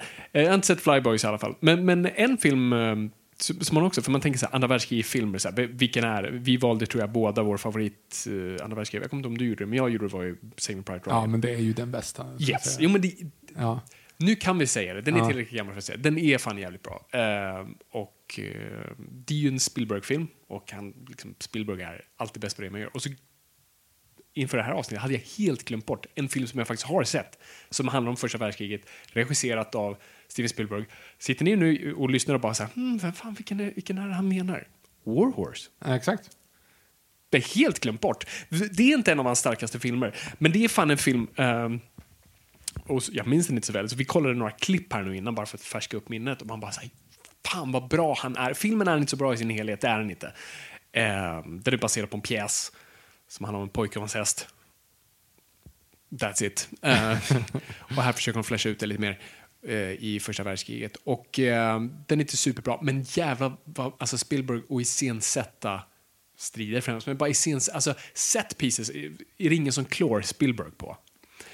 Och eh, det finns väl då liksom de två känns, den främst kända är ju, som jag tycker bara, den är troligtvis inte sann, men den är, den är fylld med sanning. Vilket jag, jag älskar när man är så här, man gör någonting som inte är riktigt korrekt, men du gör det för att visa den större sanningen.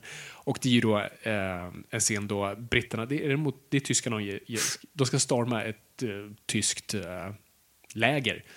Eh, de sätter sig på sina hästar med sina sablar och bara nu kör vi grabbar. Och så bara rider de in och det ser ut att gå riktigt bra. De bara sticker dem med sina svärd och sablar och hästarna bara rider över de här männen. Och så flyr tyskarna tillbaka in i skogen. Där de sitter och väntar med sina maskingevär, kulsprutor. Och bara... Ta, ta, ta, och det är en sån otroligt snygg bild från scenen och vi ser hur kulsprutorna bara skjuter i en riktning. Vi ser, vi klipper till soldaterna som rider emot och så klipper vi tillbaka till tyskarna och vi ser bara hästar utan ryttare rider förbi dem. Och det är, liksom, det är såklart inte såg ut så. Eh, hästarna rök också och det är troligtvis på hästarna man siktade ganska strategiskt. De- Det är ju Men- större att sikta på hästen än att sikta på den lilla gubben ovanpå. Precis. Men det förtäller inte storyn. Det förtäller inte hur det, och vad den scenen berättar är ju att det här är en ny slags krigsföring. Vi har den gamla världen som ger sig på den nya världen. Och här är resultatet av det. Vi har hästar mot maskiner. Det går inte. Och vi har liksom traditionalism mot, ja, jag vet inte vad man ska säga, nymodighet. Ja, ja, ja, men då är det väl ny teknik. Ny teknik. Eh, och det är så otroligt snyggt. Och man bara, fan Spielberg. I den filmen har du också den obligatoriska elaka kommandanten som Mm. säger liksom så här, kommer du tillbaka, alltså storma nu och den som vänder skjuter vi. Liksom. Just det, och det har du i Trench Warfare-scenen. Ja, då. exakt. Och Det- det, det finns ju väldigt många är liksom... Du måste nästan alltid ha en. Det är Ja, nästan exakt. standard nu. Ja. Och, och det är ju svårt att liksom göra det nytt och färskt. Och det är det också här jag gillar med Spielberg. Han gör ju inte Saving Private Ryan igen. Han har ingen skakkamera, han kör, det är bara tracking shots. Den är, det är väldigt likt, jag tror han var säkert jätteinspirerad av Pass of Glory, för det är väldigt likt den scenen. Men också bara grov på sitt sätt, han gör formar det på ett helt nytt annat sätt. Vi ser det från typ den andra sidan, för att kolla på Saving Private Ryan, vi är egentligen på ryggen på amerikanerna. Som bara stormar och tyskarna är okända liksom, fasor längre Ja, bort. du, ja, du ser ju ingenting. Du ser bara liksom, möjligtvis lite eld ifrån vapnen. Du ser dem ju aldrig förrän du kommer dit. Precis. Och här gör vi nästan det motsatta perspektivet. Visst, vi ser inte från tyskarnas perspektiv, men kameran är istället framför britterna i det här fallet. Då, Som vi ser bara stupar. Så vi egentligen, liksom, istället för i ryggen så är vi på deras ansikten. Och, vi ser bara, och vi är väggen som de är emot som bara inte kommer låta dem komma förbi. Har du, eller jag kommer inte ihåg om vi pratade om det i vårt avsnitt. Han, kommer du ihåg i Saving Private Ryan, han som kommer fram och räcker upp händerna? Han som räcker upp händerna. Ja men alltså tysken, som de säger, look I washed my hands. Ja, precis. Ja. Ja. och jag vet vad du kommer säga. Så, Vi ja, pratar ta vi om det? Jag vet inte om vi pratar om det, för jag har sett ett klipp om det. Ja. Men kan, det är värt att ta upp det igen, för det, det är också bara tyder på hur alltså, Spielberg är alltid för nyanser. För där, i de- den scenen kommer jag verkligen ihåg som ung, det vill säga liksom så här, man tyckte att, jag vet inte om man tyckte att det var roligt, det tyckte man ju inte. Nej, men, det, var ändå, liksom- lite... Jag tror man skrattade åt det för liksom... Man Det var och- rått, Ja, men ja exakt. inte- mer chocken av det, men man ja. var också ung och dum. Det, ni som inte minns det, så det här är då i Normandie-stormningsserien då amerikanerna lyckas komma bakom bunkern i stort sett. De hade egentligen tagit stranden. Och två stycken, vad vi tror är tyskar, reser sig upp med händerna upp och pratar tyska i stort sett och säger liksom, vi tror att de säger, jag Och det är upp. inte textat, du vet Det inte vad de textat. säger. Och Ja. amerikanerna bara babam, skjuter av dem Ja. direkt. Och så frågar den andra soldaten den andra, vad sa de för någonting? Och han säger I washed my hands for supper. Och så skrattar de du- lite grann. ja, så skrattar de. Mm. Men jag, jag såg ju också, då har vi säkert sett samma klipp då, och nu kommer jag inte ihåg om det är exakt så här. Men alltså, Spielberg gör i den grejen att det var ju inte så att det bara var tyskar, för tyskarna annekterar ju en del områden och Ja. liksom fick in folk i armén. Så att det de säger är på tjeckiska, skjut inte vi är tjecker. Precis. Och de skjuter dem och säger haha, I washed my hands. Mm. Och det ger ju också en sån här perspektiv. Du textar ju inte den, så du vet Nej. inte om det. Nej. Det är ju bara det att för de 2-3 procenten som förstår det, Mm. eller liksom som fattar grejen, då är det en, en hel... En upp, alltså det är så här, mind blown. Exakt. Men de flesta som inte förstår, ja, de, de, det är ingenting. Det Precis. är bara liksom lite en rå grej. Och det är också så bra, på tal om just nyanser, hur, alltså för jag tror många kanske objektivt bara tänker att Private Ryan kanske är en väldigt patriotisk film och den har absolut patriotiska eh, delar, men den vi, där visar man ju tydligt på att amerikaner är inte änglar och de kommer liksom vara rå på sitt sätt. Så att, Exakt. Mm, är det, det är så en jävla bra scen. Fan, alltså, det är den här klyschan av att säga så här, ja, Spielberg är bra. Men alltså, vi glömmer hur han bra är han så är. jävla bra. Och, och vi har pratat om det i Spielberg-avsnittet, men varje gång jag ser någonting av Spielberg nu, han, allting han gör alltid allting mot förväntan. Vi tror alltid att det är en sak, men han visar alltid en annan. Och det, är- det är i stort sett, alltså hela Schindler's lista är bara fylld av de där grejerna. Duschscenen, vi tror att vi vet, att ah, det här är ju det, men det är inte det. Vi har vår tyska bad guy, han har en förkylning, han sitter ihop skrumpen i sin bil när vi först möts med honom, han liksom nyser, han är svag. Alltså vi har alla de, ja det finns så mycket, tänk på det när ni ser Spielberg-filmer, hur mycket, alltså en bra bara som ramar in det är, som egentligen var misstag, men som faktiskt förtäller hela storyn, Indiana Jones. Och du tänker på pang. Ja, exakt. Vi tror att vi ska få en jättestor fight mellan Indy och den här snubben med en supersabel och han skjuter honom. Ja, fast han var magsjuk. Så det var... Han var bara sjuk och de var tvungna liksom. Ja, det- Vi vill inte att Harrison Ford skulle få rännskita mitt under en actionscen. ja, Hur som helst, vi är inte här för att prata Spielberg. Vi har gjort ett avsnitt på det, så om ni inte har hört det så lyssna på det. men War Horse är ju en första världskriget-film av Spielberg som man av någon anledning glömmer bort ändå. Ja, för, för resten av filmen är inte så himla bra. För det är liksom, det är liksom two guys, one horse. Inte det, nej det är det inte. Eh, Men det är åt det. Benedict Cumberbatch och Tom Hiddleston är med dock. Yes. Uh, Benedict Cumberbatch spelar typ exakt samma karaktär i uh, 1917. Och är man så ah, är det någon koppling? Han ser exakt likadan ut. Eh, minus ett öga. Men det kanske är senare. Det kanske post den scenen klippte 1917. Ja, jag ser. Mm. S- sen måste vi ju ta upp, bara för att vi vi Noipod, Aha. Wonder Woman. ja, just det. Men som jag tycker också så här, alltså... Nej. Nej, men, än en gång, lite tillbaka till Warhorse-grejen. Det förtäller det större. Det är absolut inte korrekt då. Kanske vissa skulle känna att det är lite... eh, det kanske inte är så respektfullt, men... She's taking all the fire, let's go! jag, eh, och vi kollar om och den. så vann britterna. Och att kolla om den scenen nu, i när man är lite där första världskriget-modet och liksom när man kollar på, mycket grejer och läser lite grejer, så blir man lite Det känns lite weird. Men det är fan en jävligt stark scen, alltså No Man's Land-sekvensen. men men jag, jag tycker det var så jävla smart med den filmen, för att jag kommer ihåg då när den filmen kom och vi fick reda på att det skulle spelas under första världskriget, så var jag väldigt emot det. Inte av någon princip, men bara av så här, men det ju, hon liksom alla superhjältar föds ju under andra världskriget eller in till andra världskriget. Och hon slåss ju mot nazister precis som alla andra i serietidningen. Och det är liksom...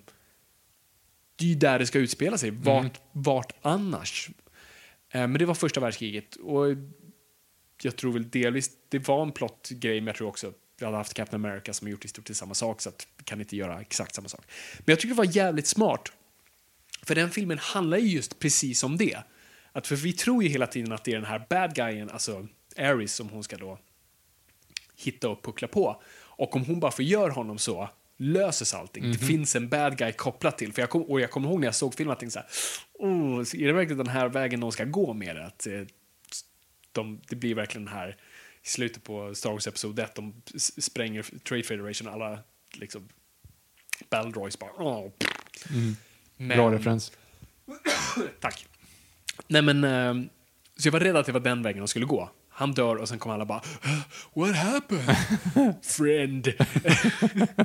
och så sitter alla och bryter baguetter och dricker vin efteråt. Men det, så blir det ju inte. Utan alla fortsätter ju slåss och hon förstår inte varför. Och det bara trycker än en gång poängen hur meningslöst det är. Och den än en gång, sam, den, den tar det temat. Det är meningslöst, det är fel och det finns ingen enkel lösning på det. Det finns ingen stor bad guy som kommer göra det rätt. Det är meningslöst, vi har fuckat upp. Och det är en bra introduktion för Wonder Woman. För om hon hade trätt in andra världskriget så hade alla bara sagt ditåt! Jaha, är det... Ja, eh, den här snubben är spritt galen, han vill ta över världen och han mördar ett helt folkslag. All right. Och så går vi dit. Det finns inget större komplexitet i det. Men dumpar den i första världskriget så blir det det. Och därav funkar det. Jag tycker det är jävligt coolt. Mm. Nej, jag är eh, fascinerad. Jag, I och med lite research på det här avsnittet som har blivit sjukt fascinerad av första världskriget igen. Eh, vilket leder mig in på den bästa filmen som gjorts om första världskriget. Jaha. Och det är en av... Jo, men det är Redeem My Hobbit. Eh, Peter Jackson gjorde, har gjort en film som är egentligen en- som en dokumentär. Det är så de har, den heter They shall not grow old och det är en eh, restaurering av gamla filmer från första världskriget. Man följer hela liksom, ja, men Life in the Trenches. Där de har, de, alltså, de har gjort det på något jävla vänster som att de har restaurerat gamla svartvita filmer, färglagt dem och liksom gjort så här smooth-rörelser i det så att det ser liksom ut att filmat typ idag. Precis, för Och det- gamla filmer fotade typ på 16, ofta 16 frames, men det berodde också på hur snabbt de crankade. Alltså det var Ja, som vevade. de vevade. Mm. Ja, precis. Så de var tvungna liksom, om man säger det. Men sen framförallt så har de också ljudlagt alltihop. Mm. Så att när du ser så här svep över slagfältet, i och med att alla första världskriget-filmer är ju såklart, eller alltså allt som filmas under första världskriget är ju ljudlöst såklart, för de Ja. hade inte talfilm. Se Singin' in the Rain. Ehm, men nu då så har de ju lagt in ljudet. De har gjort nya ljudslingor. Liksom, så Mm. de har sköt av så här, de här vapnena och liksom lagt in. Och du har, när du ser Korrekta ett, vapen. Ja, men när du ser svep över liksom så här landskapet och engelsmän sitter och snackar, då har de spelat in engelska röster som sitter och konverserar med varandra. Liksom, som Ja, de tog väl in också försöker- lip readers. Som Ja, skulle som- typ ja, få så här, typ, det här är typ vi tror de säger. det ser ut ungefär som de säger det här. Och så är det franska och tyska språk. Alltså det, det ser ut som att det är filmat idag, vilket är helt sjukt. Och jag fick verkligen en sån här... Alltså det var länge sedan jag såg en film som jag kände mig så här... Eller... Okej, Bridge Will Be Quiet var också lite grann så. Men efter man ser den ställer man sig upp och typ applåderar. Alltså man var så här wow! Och då är det... De förklarar bakgrunden till kriget. Då är allting i 4.3 och allting är i eh, svartvitt. Och det- Mono antar jag. Ja, men det är Mm. liksom så här, det är, det är bara så här, det är gamla bilder. Och de berättar hur det var inför kriget. Första skottet avfyras, då zoomas det in och det blir färg och det blir alltså, crispigt as fuck Mm. på liksom, bilden. Så allting är svinsnyggt. Och sen när kriget är slut, och så hela filmen är ju så. Och Mm. sen så är det, de pratar om att, och sen så sköt sista skottet då den 11 november 18, ja, eh, 1918. Då då zoomas det ut igen och så blir det de här svartvita igen. Så att de har bara de scenerna som de har gjort, liksom, de har restaurerat under själva kriget. Vilket jag vet inte om, det är ingen allegori, men det bara är jävligt snyggt. Nej, det, är- det är coolt, för att, och, det var ju, hans ambition eh, blev ju, var ju precis det resultatet blev av att han, vi har ju en separation och jag tror, alltså ju, ju yngre och yngre vi blir, höll på att säga, men just det, ju längre bort vi är därifrån, när vi ser svartvita bilder, det finns en slags disconnect till det och vi känner inte igen oss i det och det ser, helt, det ser ut som en helt annan värld. Och därav kan vi nästan se det som något, se det som fancy. Jag tror hjärnan nästan registrerar det som det. Och det är så väldigt ädelt av honom då att säga, nej men jag måste få folk att förstå det idag. Att det här inte är en helt separat parallellt universum utan det här skulle kunna vara idag. Alltså det är ju, ungdomar var ungdomar. Eh, vi människor var människor. Nej, han redeemade näst, nästan Hobbit. Men det är också det, där tekniken är, gör han- användaren för liksom, det goda. Ja, Tur att han inte high, hade high, high frame rate på den. ja exakt. Sen, nu kör vi inte riktigt funkat. 48 frames. Det hade kanske inte riktigt kräkt. funkat. Men, ja, nej, men det, det är jävligt coolt och jag är så glad att den gjordes och finns. Och ja, bra Peter Jackson. Men ska vi, ska vi landa i 1917? Det skulle vi kunna göra. Om jag skulle även, ja, det? Ja, det jag skulle vilja bara fråga dig, Fabian, egentligen så. Mm. Eh, det är ju, det är ju, tyskarna var ju, var ju med i det kriget. I första världskriget. Exakt. Ja, Eh, vet du hur man ser att en bil kommer från Tyskland? polacken. Nej, det är German inte. Vad, ju- det var... det är German inte. Jaha, okej. Det, för det var en så bra... Det skämtet hade ju funkat om inte jag hade... Även om jag inte hade sagt det. Men det funkar ju även när jag säger det. Snyggt. Ah. Snyggt. Tack. Ehm, Jag var inte beredd på det. hur stor är... Eh, Ah, gud. Okej, ja, men hur många... Äh, förlåt, men hur Nej, många, nej, men kör, kör, kör. hur många göteborgare bor i Tyskland? Jag vet inte. Ja, det är görmänny. Mm. Eh, Grekland var ju med i kriget. Mm, Ja. Mm. Vet du hur man ser att ett fisknät är, är grekiskt? Nej. Det är tzatziki. Är den din? Nej, Nej. Eh, den är med... Ja, Tänkte nej. att det var en av Ja. dina fiskskämt. nej, tyvärr inte riktigt. Ja, den stod mellan den och eh, vart stoppar man pengarna i Grekland? Spar, Grease, inte riktigt lika Ah. roligt faktiskt. Eh, men vad vet du? Vet du också, Paris eh, tog, intogs ju aldrig i, eh, i, eh, Mm. i första världskriget. Eh, men, det, men det snöade i, i Paris. Att, äh, det var vitsen. Ja, nej. Det snöade i Paris. Ja. Det var vitsen. Den var kul. Ja, jag ger dig den. Litauen hölls utanför kriget. Vad säger man när någon knackar på dörren i Litauen? Jag vet inte. Vad Vilnius? Den fattar jag inte. Vad Vilnius? Fattar inte. Vilnius är huvudstaden i Litauen. Ah, du ser, Ja, där, där exponerar också min geografiska blindhet. För att avsluta det här egentligen då, inför 1917 Ja. så är det ju Första världskriget slutar ju mer eller mindre på liksom samma bräde som det började. Förutom att vi då bolsjevikerna har tagit över Ryssland. Det var revolution i Ryssland, tsarfamiljen har störtats. Och eh, det är en helt ny styrelsesätt i, i Ryssland. Eh, det har varit krig överallt, alla kolonier har slagits. Det, det lägger lite grann grunden för att frigöra kolonier men det kom ju egentligen främst eh, i, efter andra, världs, andra världskriget då när, när i, eh, i Indien också bryts loss. Eh, men en av de stora grejerna, det som egentligen är andemeningen i hela, ja, Osmanska imperiet såklart, eh, splittras. Men om man räknar till vad som faktiskt första världskriget leder till.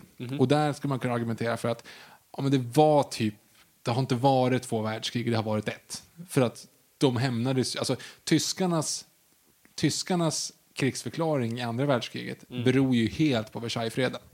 Ja. Alltså, och där, är ju, där har du ju allegorin att um, uh, Britain, France and America agreed that Germany threw the first punch and the whole thing is Germany's fault while Germany is unconscious they go through its pockets and steal the wallet and buy drinks for all their friends. För det är typ det de gör. De får ju, Ja. de får betala ett bananastort krigsskadestånd. Eh, skadestånd. De får inte ha någon armé, de får inte ha någon flotta, eller de får ha en liten armé, de får inte ha någon flotta, de får inte ha någonting. De liksom, och med så- facit på hand så är det så här, ja det där var lite väl snedfördelat. för att det var fan nog för det, men det är ju ändå så här Österrike, Ungern, Österrike Ungern splittras också. förvisso. Alltså, det, världskartan ritas ju om på ett helt annat sätt efter första än andra världskriget. Ja, gud, säga. Eh, för att det är massa nya länder och sådana saker. Men, men eh, tyskarna fick ju skulden. Och sen det är det som gör att hyperinflationen, allting går åt helvete i landet. Och det är ju grogrunden för att tyskarna helt plötsligt kan lyssna på den här snubben som kommer upp och säger Hörni, tycker inte ni att vi är lite snedfördelade sen Versaillesfreden? Jo, det är vi. Ja, men bra, då gör vi så här. Vi bygger lite vägar, ja! Vi fixar upp lite bättre jobb, ja! Vi mördar lite judar, va? Men och vi tycker så här, och så, ja! Alltså det blir ju liksom... Det, han på något jävla vänster så lyckas ju vända hela den här alltså nationen som är på knäna vänds ju och han projicerar det mot Versaillesfreden och får på något vänster ett, ett folkslag som upplevde kriget för 20 år sedan, upplevde det värsta som har hänt i världshistorien. Det går de frivilligt med på igen. Alltså 20, 20 år senare, det är helt otänkbart. Det är helt sjukt egentligen nu att det där Ja, hände. verkligen. Och så blir det ett världskrig igen 20 år senare eller 21 år senare. Det är helt sjukt. Hur går det ihop liksom? Ja. Men det, och det är det många som argumenterar för att Versaillesfreden är ju det felet. För att eh, de pratar också om att Woodrow Wilson, alltså Amerikas president, skulle Mm. ju egentligen vara med och medla, men han var inte där. Så det var liksom typ fransmännen och britterna var lite väl hårda liksom i den Ja, det. förklaringen. Enkelt förklarat återigen. Men där har du ju ett, ett stor grej som liksom la grunden för andra världskriget. Mm. Så det sög. Det sög hårt. Så att det är inte nog med att det var onödigt, det ledde till andra världskriget dessutom också. Precis, det är det. Ingenting sker i en bubbla, liksom. Inget, inget sker i ett vakuum.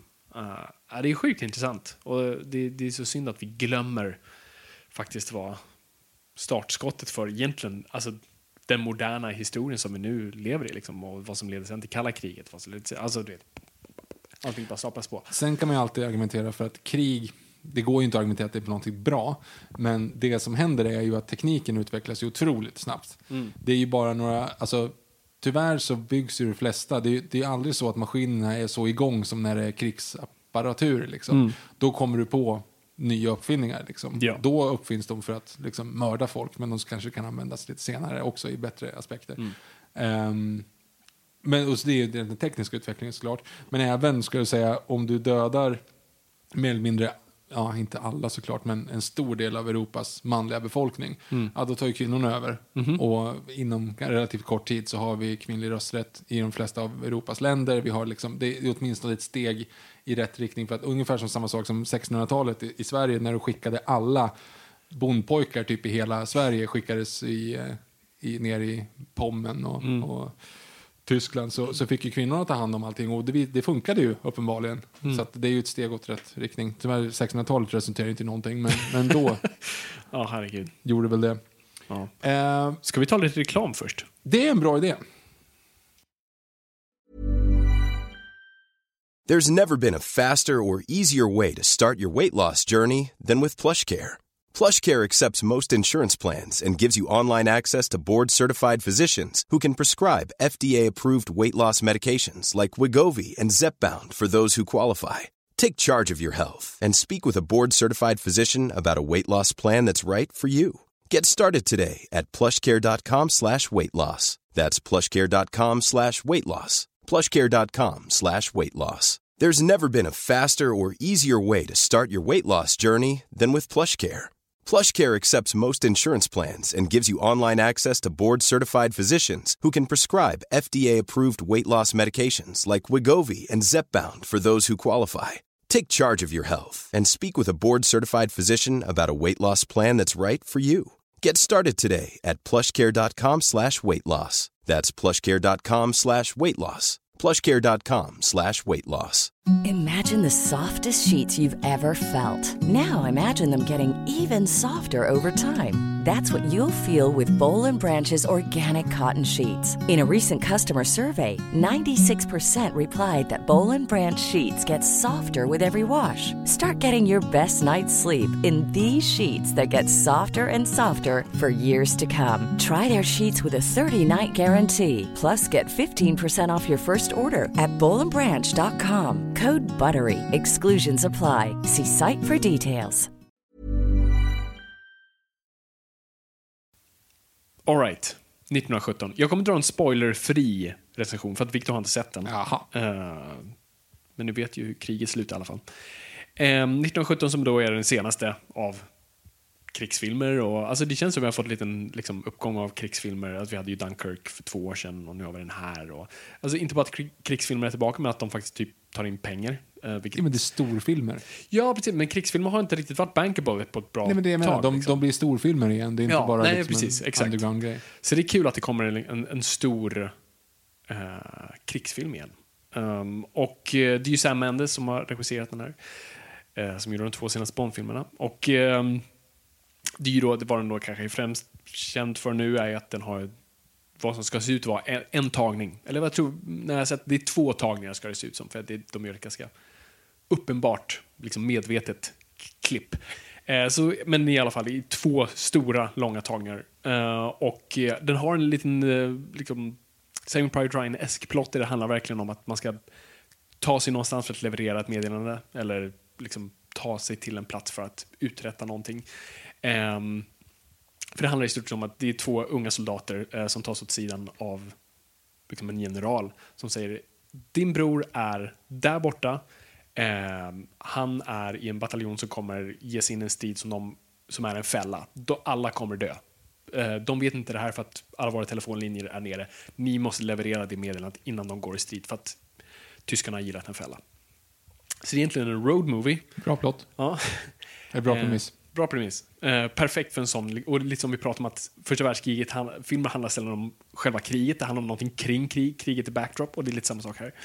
Eh, för vi är aldrig riktigt i striden. Vi, vi droppas in i olika strider men, men det är aldrig liksom de här klassiska krigsscenerna. Du hade, det hade kunnat utspelas under slaget vid Lützen också. Mm, nej men exakt. Eh, vilket eh, kommer vara en lite poäng jag har. Ehm, så det är egentligen den simpla plotten och så följer vi de här karaktärerna mer och den här otroligt komplicerade kameraåkningarna. Det är Roger Deakins som har fotat den, eh, känd för nu senaste Blade Runner och Skyfall och eh, The Assassination of Jesse James, eh, Sicario. Han är ju den bästa fotografen vi har, så det var ju väldigt passande att han gjorde det. Um, och det är ett coolt grepp för en krigsfilm som inte jag har sett tidigare, just med en tagning. Och det jag var så himla glad för när jag såg den, det är kanske det första man ska beta av, är, för jag var rädd för att jag skulle sitta och leta efter klippen. Men typ tio minuter in så slutar jag och glömmer bort att det är en tagning. Vilket man är så här, gud vad skönt att det inte tar fokuset. Att det inte blir en Birdman. Nej, precis. Nej, men verkligen. För det är faktiskt det jag tror folk glömmer bort med entagningsgrejer. Det, det ska i sig inte ta, dra till uppmärksamheten, utan det ska snarare bidra till en känsla. Och det tycker jag filmen gör väl. Det känns som jag är med om hela tiden, jag är där ständigt. Det är extremt subjektiv film på så vis. Eh, och jag, jag tyckte den, den var enormt spännande också, vilket också, så spänning tror man kommer från klipp. Det gör inte här, utan de bygger stämning otrolig, och spänning. Eh, otroligt bra bara med, med kameraåkningar och musiken faktiskt bidrar väldigt mycket till det. Och jag tyckte om den jävligt mycket, jag tyckte den var otroligt bra. En intressant grej, för att under filmen så satt jag och tänkte, och när filmen var klar, att så här, hmm, men den hade inte den där huvud huvudkomponenten, vilket är den här meningslösheten.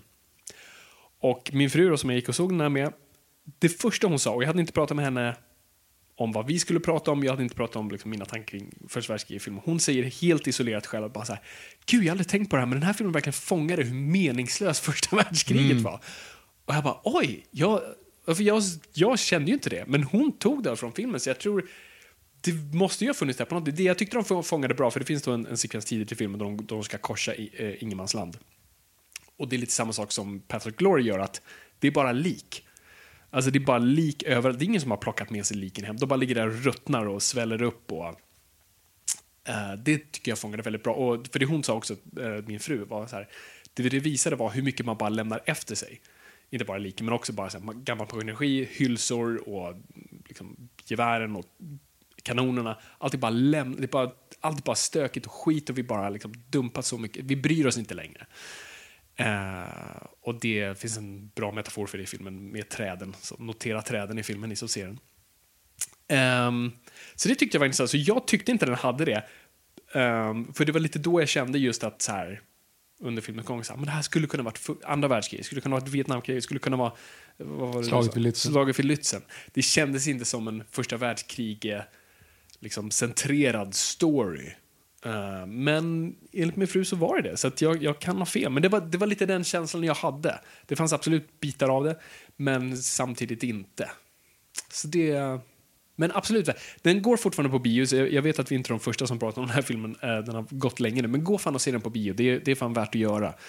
Uh, för den är så pass cinematisk och otroligt jävla spännande och sorglig och mycket snyftande i, i uh, biosalen. Men jag är glad att den finns och alltså, beundrar den enormt. Och det, jag tror det är viktigt med de här filmerna. Och det, det leder väl mig lite till liksom, slutpoängen. Ja, låt höra. Ja, för jag undrar liksom... I och med They shall not grow old, Wonder Woman och nu 1917 så är jag 1917 eller så är jag... Du sa 1917. Herregud.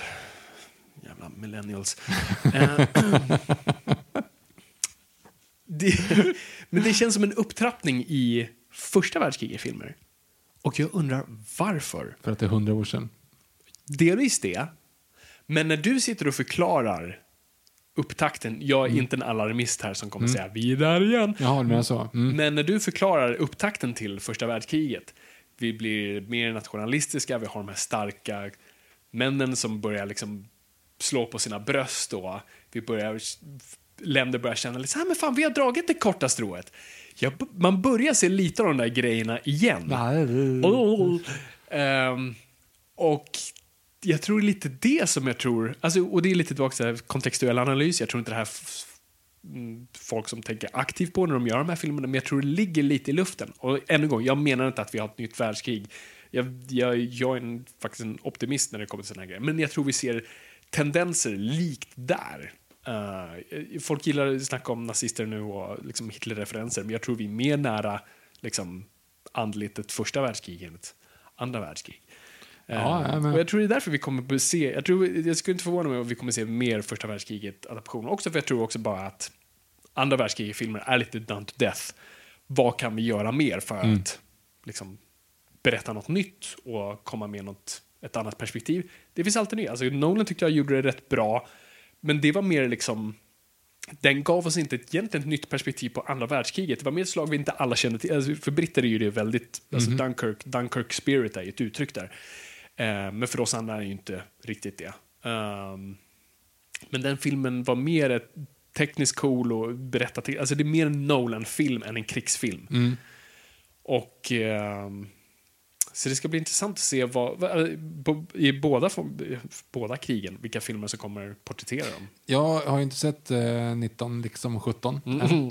eh, Men Pierre på jobbet sa att eh, han hade sett den och då sa han att eh, Sam Mendes gör för bild vad Dunkirk gjorde för ljud. Mm, intressant. Jag, jag kan tendera att hålla med honom där. Det är väl, no, snyggt. Eller? Men vad tror du? Vad, vad, vad är din liksom känsla och... Det kan vara så enkelt att det är down to death. Alltså, Mm. det är, alltså om man nu går igenom om man går igenom vilka filmer, först det finns inte så många första världskriget-filmer, medan det finns relativt mycket andra världskriget-filmer. Och backloggen på andra världskriget-filmer är också från, mycket från 60-talet. Ja. Där jag till exempel bara nämnde i förbifarten Bridge of a River Kwai till exempel, som är också, där har du ju massa olika perspektiv från olika platser i världen Mm. och sådana saker. Men det finns också en, en grej som sparkar in öppna dörrar. Men i och med att vi inte har någon ond eller god eh, så är det väldigt svårt som vem ska göra den, så att säga. Alltså, vem är det som är intresserad av att göra den här filmen? Det är väldigt enkelt att hitta amer- amerikaner som finansierar liksom, eh, Saving Private Ryan. Det är ganska enkelt att hitta australiensare ändå som finansierar Gallipoli. För att ja, men det är ändå så här, ja, men de, är- de är de goda i alltihop. Men engelsmännen, ska de göra liksom en första världskriget-film? Alltså, ja, ska vi blunda för vad som hände liksom i, i eh, Östafrika då när vi liksom tvingade lokalbefolkningen att slå ihjäl varandra liksom för att de råkade tillhöra den tyska sidan av Eller ska vi blunda för vad vi gjorde i Indien och hela den här grejen? Lawrence of Arabia som egentligen klassas som en hjälte i den filmen. Ja, han, han gick ju omkring och lovade saker han inte kunde hålla till lokala eh, tribes för att de skulle då liksom förstöra för osmanerna. Men samtidigt, du, du, då, han drog ju bara sen. Inget- han gjorde ju ingenting av det som han lovade. Liksom. Eh, så att det finns ju sjukt mycket grejer som resulterar i liksom så att ja men det var ju ingen som var god. Alltså det, är så här, Mm. det finns inget intresse av, man måste liksom distansera sitt e sin egen insats från det här. Ja. Det, och därför tror jag att det bara handlar, filmerna som kommer, det handlar ju bara om, om eh, misär. Ja. För att det finns ju aldrig riktigt någon som kommer att vi- vilja göra det, om man säger så. Nej, precis. Och det är det du har i, i nu 1917. Alltså det är så långt ifrån politik, så långt ifrån... Det här är två unga, de är i stort sett ja, de är tonåringar Mm. som bara ska göra ett uppdrag. Det finns lite emotionellt för dem i det, men det, det har ingenting med det stora hela att göra en gång. Och det är, det, det är där man måste göra det, för börjar du gå på liksom, börja slå på bröstet. Ja, det går ju inte i den filmen, Nej, eller i, den, i det kriget. nej gud nej. Nej, det, det är intressant. Men i övrigt så tror jag också att kan det vara att man är lite fast i det, vi, det visuella? Alltså trench, trench war har ju typ gjorts, citationstecken, Ja. i flera hundra år. Eller, eller i typ hundra år för att Västfronten inte nytt kom 1929, för, för, första filmen. Eller 30, första filmen. Eh, och Pastor Glory och alla de här. Alltså det, den, den världen, nu kommer det 1917 och då kan man liksom inte riktigt göra det igen om två år. Nej. För att it's been done. Man måste hitta ett nytt perspektiv. Och där har du ju, andra världskriget har ju Letters from Iwo Jima och du Mm. har eh, Pearl Harbor och du har alla möjliga olika platser där det finns. Det kan vara Bridge of du, du, Det finns över hela världen på andra, alla olika sätt, sätt av Verkligen. självsmytslingar. Och du skulle inte kunna göra liksom de de modiga sydafrikanerna som slogs Mm. mot... Liksom, alltså, det går ju inte för att det var ju bara brutalt. Liksom. Ja, nej, precis. Nej, det är intressant. Det, det, det blir intressant att se om vi, vi får några fler och i så fall vad de väljer att porträttera. Eh, men det, det går nog inte att göra annat än antikrigsfilm. Nej. Om inte saker börjar blomma upp igen och folk börjar romantisera den, den Men perioden. det tror jag inte att folk kommer göra. Nej, det går de, de kommer, They Should Not Grow Old är ju väldigt inriktat på folk som dog. Alltså människorna bakom det. Mm. Ja. Och som du sa, man får liksom någon form av så här hinna framför ögonen på dem som, och för att se svartvita filmer, man kan liksom inte riktigt anna, alltså, det, ja, Det vad har det att göra med mig liksom? Nej, precis. Men när du får det att visa verkligt och nära så känner du känslorna liksom, som Mm. de kände. Och då, har du, då kan du göra stories kring, kring personerna. precis. Och där återigen alltså, snurrar i samma hjulspår. Det, men, nej men verkligen, jag tror det slår huvudet på spel. Det handlar verkligen om liksom, contentan om, om människorna. Och det, det här är en konstig parallell. Men eh, i sommar var jag i USA eh, på en roadtrip. Och vi bestämde oss för att åka till en amish-by. Ja, vad- Okej. Men det- och vad är din bild av amish? As I walk through Mm. the valley of the shadow of...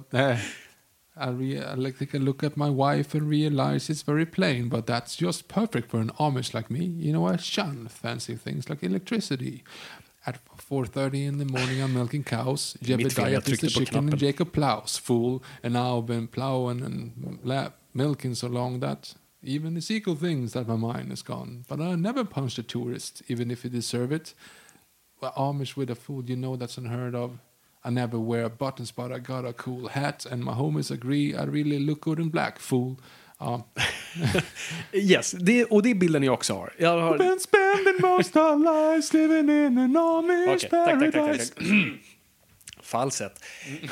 Ehm, ja, nej, men så det är den bilden jag har. Jag tänkte att men det är religiösa fundamentalister som är bönder. Du vet, man, har, man har den här bilden av, av, av uh, amish-folket. Så, så vi tog oss dit. ehm, och så tog en sån här klassisk, man får sätta sig på en kärra, en sån här amish tour. Um, och då sitter vi med bara en massa amer- amerikaner och jag får lite så här ett hugg i magen om att så här, ska vi sitta nu liksom och peka på och, och skratta åt de här liksom. Men det visar sig att guiden är, liksom, han är polare med och vuxit upp med dem. Han är inte amish själv, men han är vuxen, uppvuxen i området. Man, man förstår då att de bor inte liksom helt isolerat. De bor grannar med folk som har elektricitet och sånt där. Och det, det, jag ska inte gå in på exakt allt med amish men det, det är betydligt mer, det finns nyanser där också. Men så åker vi förbi, det är, två, det är två scener om man, om man så vill.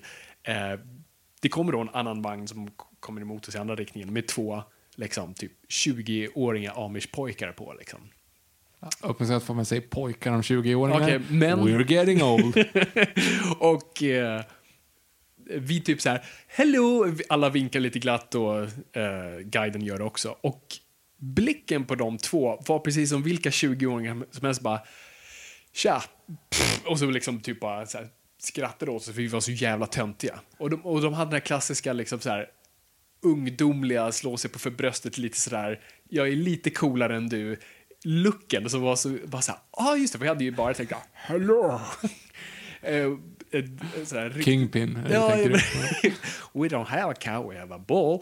Ehm, och sen var det också, vi, vi kom till där de, ett ställe där de sålde, man kunde ju köpa saker, de hade ju uppenbart gjort en, upp en businessmodell som absolut rättfärdigat, där, där då guiden droppar av sig vissa gårdar där de sålde saker. Så det var någonstans där de sålde typ vattenmeloner. Och Va? det, ja, de, Amish, är det vattenmeloner? Alltså de gör allt. Jaha, okej. ja. Vi, vi köpte... Sell quilts at discount price, det är ingen Amish paradise har jag hört. Men Vi aldrig- köpte hot sauce av dem, bland Okej. annat, som inte var stark, vilket var väldigt roligt i sig. Ehm, men de sålde vattenmeloner och allt annat. Och eh, det var några barn där som, som sprang runt. Och eh, vi gjorde samma sak där, då, att lite så här, nästan nedlåtande där. Hello, how are you? Och de bara skrattade åt oss. För att vi var så jävla töntiga. Och man ska bara, ah, just det, det här är som vilka andra barn som helst. De vet inte vilken kontext de är i. Utan de kommer. Long story short, det är alltid en disconnect någonstans mellan, liksom mellan människor. Om det är svartvit film, om det är andra kläder, om det är andra kulturer, vad det nu än är. Och vi glömmer så lätt bort då att bara, ah, just det, vi är alla människor. Och isolerade är vi egentligen den, densamma, vilket är jävligt coolt. Och jag tror det är den porträtteringen vi måste fortsätta göra i såna här filmer, för det blir så lätt sci-fi. Och det är då man har gjort filmerna fel. lätt sci-fi så berömde vi precis hur Gal Gadot kommer upp och tar all eld. Än en gång. En lögn som berättar en större sanning. Ja, jag fattar. Jag fattar. Jag fattar. Okej, om du får säga då. Säg, ge våra lyssnare här för att avsluta ett tips på filmer om, angående första världskriget de borde se. Alltså, Paths of Glory, Mm. 100%. Det det är ju toppen av det. Ja, den, den ska ni verkligen se. Eh, och har vi några där ute, jag tror inte vi har sådana lyssnare, men som kanske känner att så här, ah, svartvit film, uh. Alltså, se den här och bara, efter två minuter så bara försvinner det. Mm. Och eh, du kommer njuta av filmen. Eh, jag tycker ni ska se 1917, för den är på bio nu, så gå definitivt och se den. Eh, och som sagt, det är inte så jävla många. Jag tycker man ska se Wonder Woman, för det är en jävligt bra film. Jag får gåshud när de kliver upp i ingenmansland. She's no man, she's a woman. No Man's Land är ingenting för henne. Liksom. Nej, precis. Ehm, det är lite det här. Det är, det är lite uh, Return of the No King. man can kill me. eh, vi har ju inte pratat om Daniel Craig-filmer från 1999 som heter The Trench. Inte sett. Nej, jag tycker det är ett jävligt bra upplägg. För jag, när jag nu bara gick igenom filmer som fanns så bara kollar man på rollistan. Så här, eller vilka de väljer nu att ha på posten. Eller på, på omslaget på DVDn. Så här, Daniel Craig, eh, Killian Murphy. Danny Dyer? Jag sa, "Åh, gud, ja, Okej. Jag, har fan, jag har börjat kolla på... Uh, där är kopplat. Eh, jag är sen på bollen, men jag har börjat kolla på Peaky Blinders. Jag inte Och eh, den har en ganska rejäl koppling till första världskriget. För det handlar liksom om männen som kom tillbaka från Mm. första världskriget helt förstörda. Och, Deras Taxi Driver. Liksom. ja, i stort sett. Mm. Men liksom de gangsters som börjar liksom... Ja, blir liksom som maffian. Och eh, ja, men eh, och den har väldigt bra kopplingar till första världskriget och vad, vad det faktiskt gjorde med den generationen och hur jävla uppfackade de var. Så det är en rekommendation. Finns på Netflix. Eh, jag skulle inte se All Quiet on the Western Front från 1979. Eh, se den från 1930. Jag har inte sett den, men den, den ska vara bra. Så, Eller läs boken. Eller läs boken. Det är väl de tipsen jag har. Viktor? Jag skulle säga They Shall Not Grow Old är en av de typ så coolaste filmer jag har sett. Och på samma, så det, den måste ni se. Eh, om man är intresserad, framför allt. Eh, om man inte är intresserad så ja, det är fortfarande en dokumentär. Alltså, det, är, det är som en, en History Channel-dokumentär, men, men bättre gjord. Liksom. Ehm, men sen skulle jag ändå tipsa om, jag vill säga, jag vet att vi, eh, vi har pratat väldigt länge nu. Ni är troligen ingen som är kvar så här långt in i avsnittet. Men kontakta gärna mig. Se Gallipoli och, och kontakta mig i efterhand. För jag, min, alltså jag kanske inte kan se den på ett nyktert sätt. För jag, den här var liksom... Nej, det var den, det jag kände. den, ja, men den var uppe där liksom. Den, är, den är där med... Inte Troja, inte så bra, men du förstår vad jag menar. Ehm, jag tyckte att den var asfet, verkligen. Eh, och även nu när jag såg om den så tycker jag att ah, men det, den är ascool. Och det som är nästan, för det finns några scener som är lite så här, "Huh?"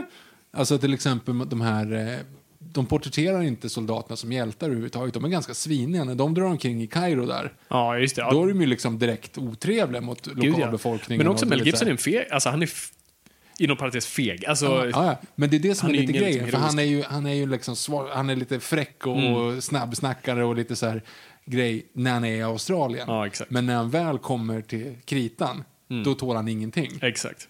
Det, det Och det tycker jag är en jävligt, alltså det är en snygg grej. För det är säkert det är många såna här som går omkring i, i skinnjacka och schysst frisyr och är liksom kaxiga, men när det väl Precis. gäller så är de Du har ju också den där killen, eh, så jag inte blandar ihop filmer. Ja, det, det finns ju den killen, det finns ju en kille tidigt i filmen som är typ nästan en mobbarkaraktär va? Ja, Och exakt. sen när man, exakt, exakt. Så, Mm. träffar de honom i, i skyttegraven, han bara sitter och Ja, gråter. han, han är helt körd. Liksom. Ja. Och det är så jävla, jag tycker att det, det finns så sjukt mycket i den där som Alltså så här, jag vet att den är lågbudget. Mm. Jag vet att det kanske är lite så här, ja den är inte helt jätte okej mot eh, lokala egyptier liksom. Men alltså för, för vad den är och för varför den liksom försöker porträttera så tycker jag att den är riktigt cool.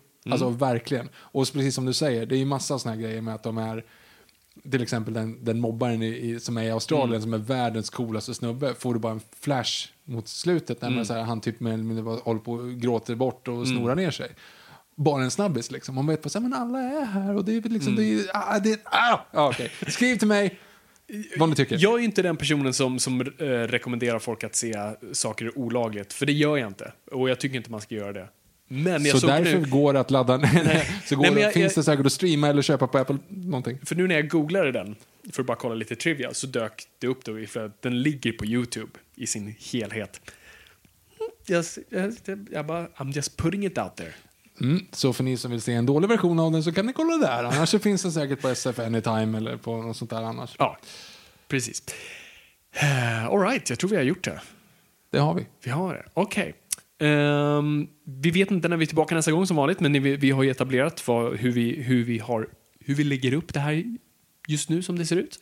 Lyssna på vårt, vårt vad hette det avsnittet? Var det frågestunden vi tog upp? Nej, det var, det var, det var vilket avsnitt var Vad pratar vi om? Jag pratar om hur, Jaha, hur vårt upplägg ser ut. eh, förra, förra, förra avsnittet. Förra, förra avsnittet. Ja, så vet ni hur vi gör det. Men jag tror nästa avsnitt, vi får se nu, det, vi kanske hinner med någonting däremellan. Mhm. Men vi vet ju vad som är på horisonten. Exakt. För den 30 mars så Mm. kommer alltså Godzilla, King Oh. of the Monsters ut på Netflix. Inte den. En, eh, ny Bondfilm. Ah, du, Ny du, Bond-film. du, tänker så. Det var första gången, så det, eh, nu, nu såg jag för första gången trailern på bio och bara, "Åh, fan, det är inte en perfekt trailer, men fan vad pumpad jag är. Ah, låt inte vara Dr. No bara så, så vi nöjda.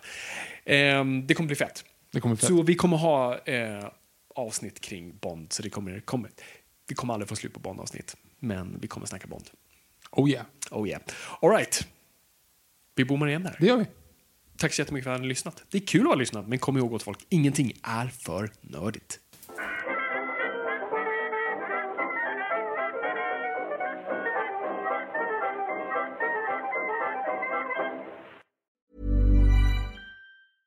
Flexibility is great. That's why there's yoga. Flexibility for your insurance coverage is great too. That's why there's United Healthcare Insurance Plans.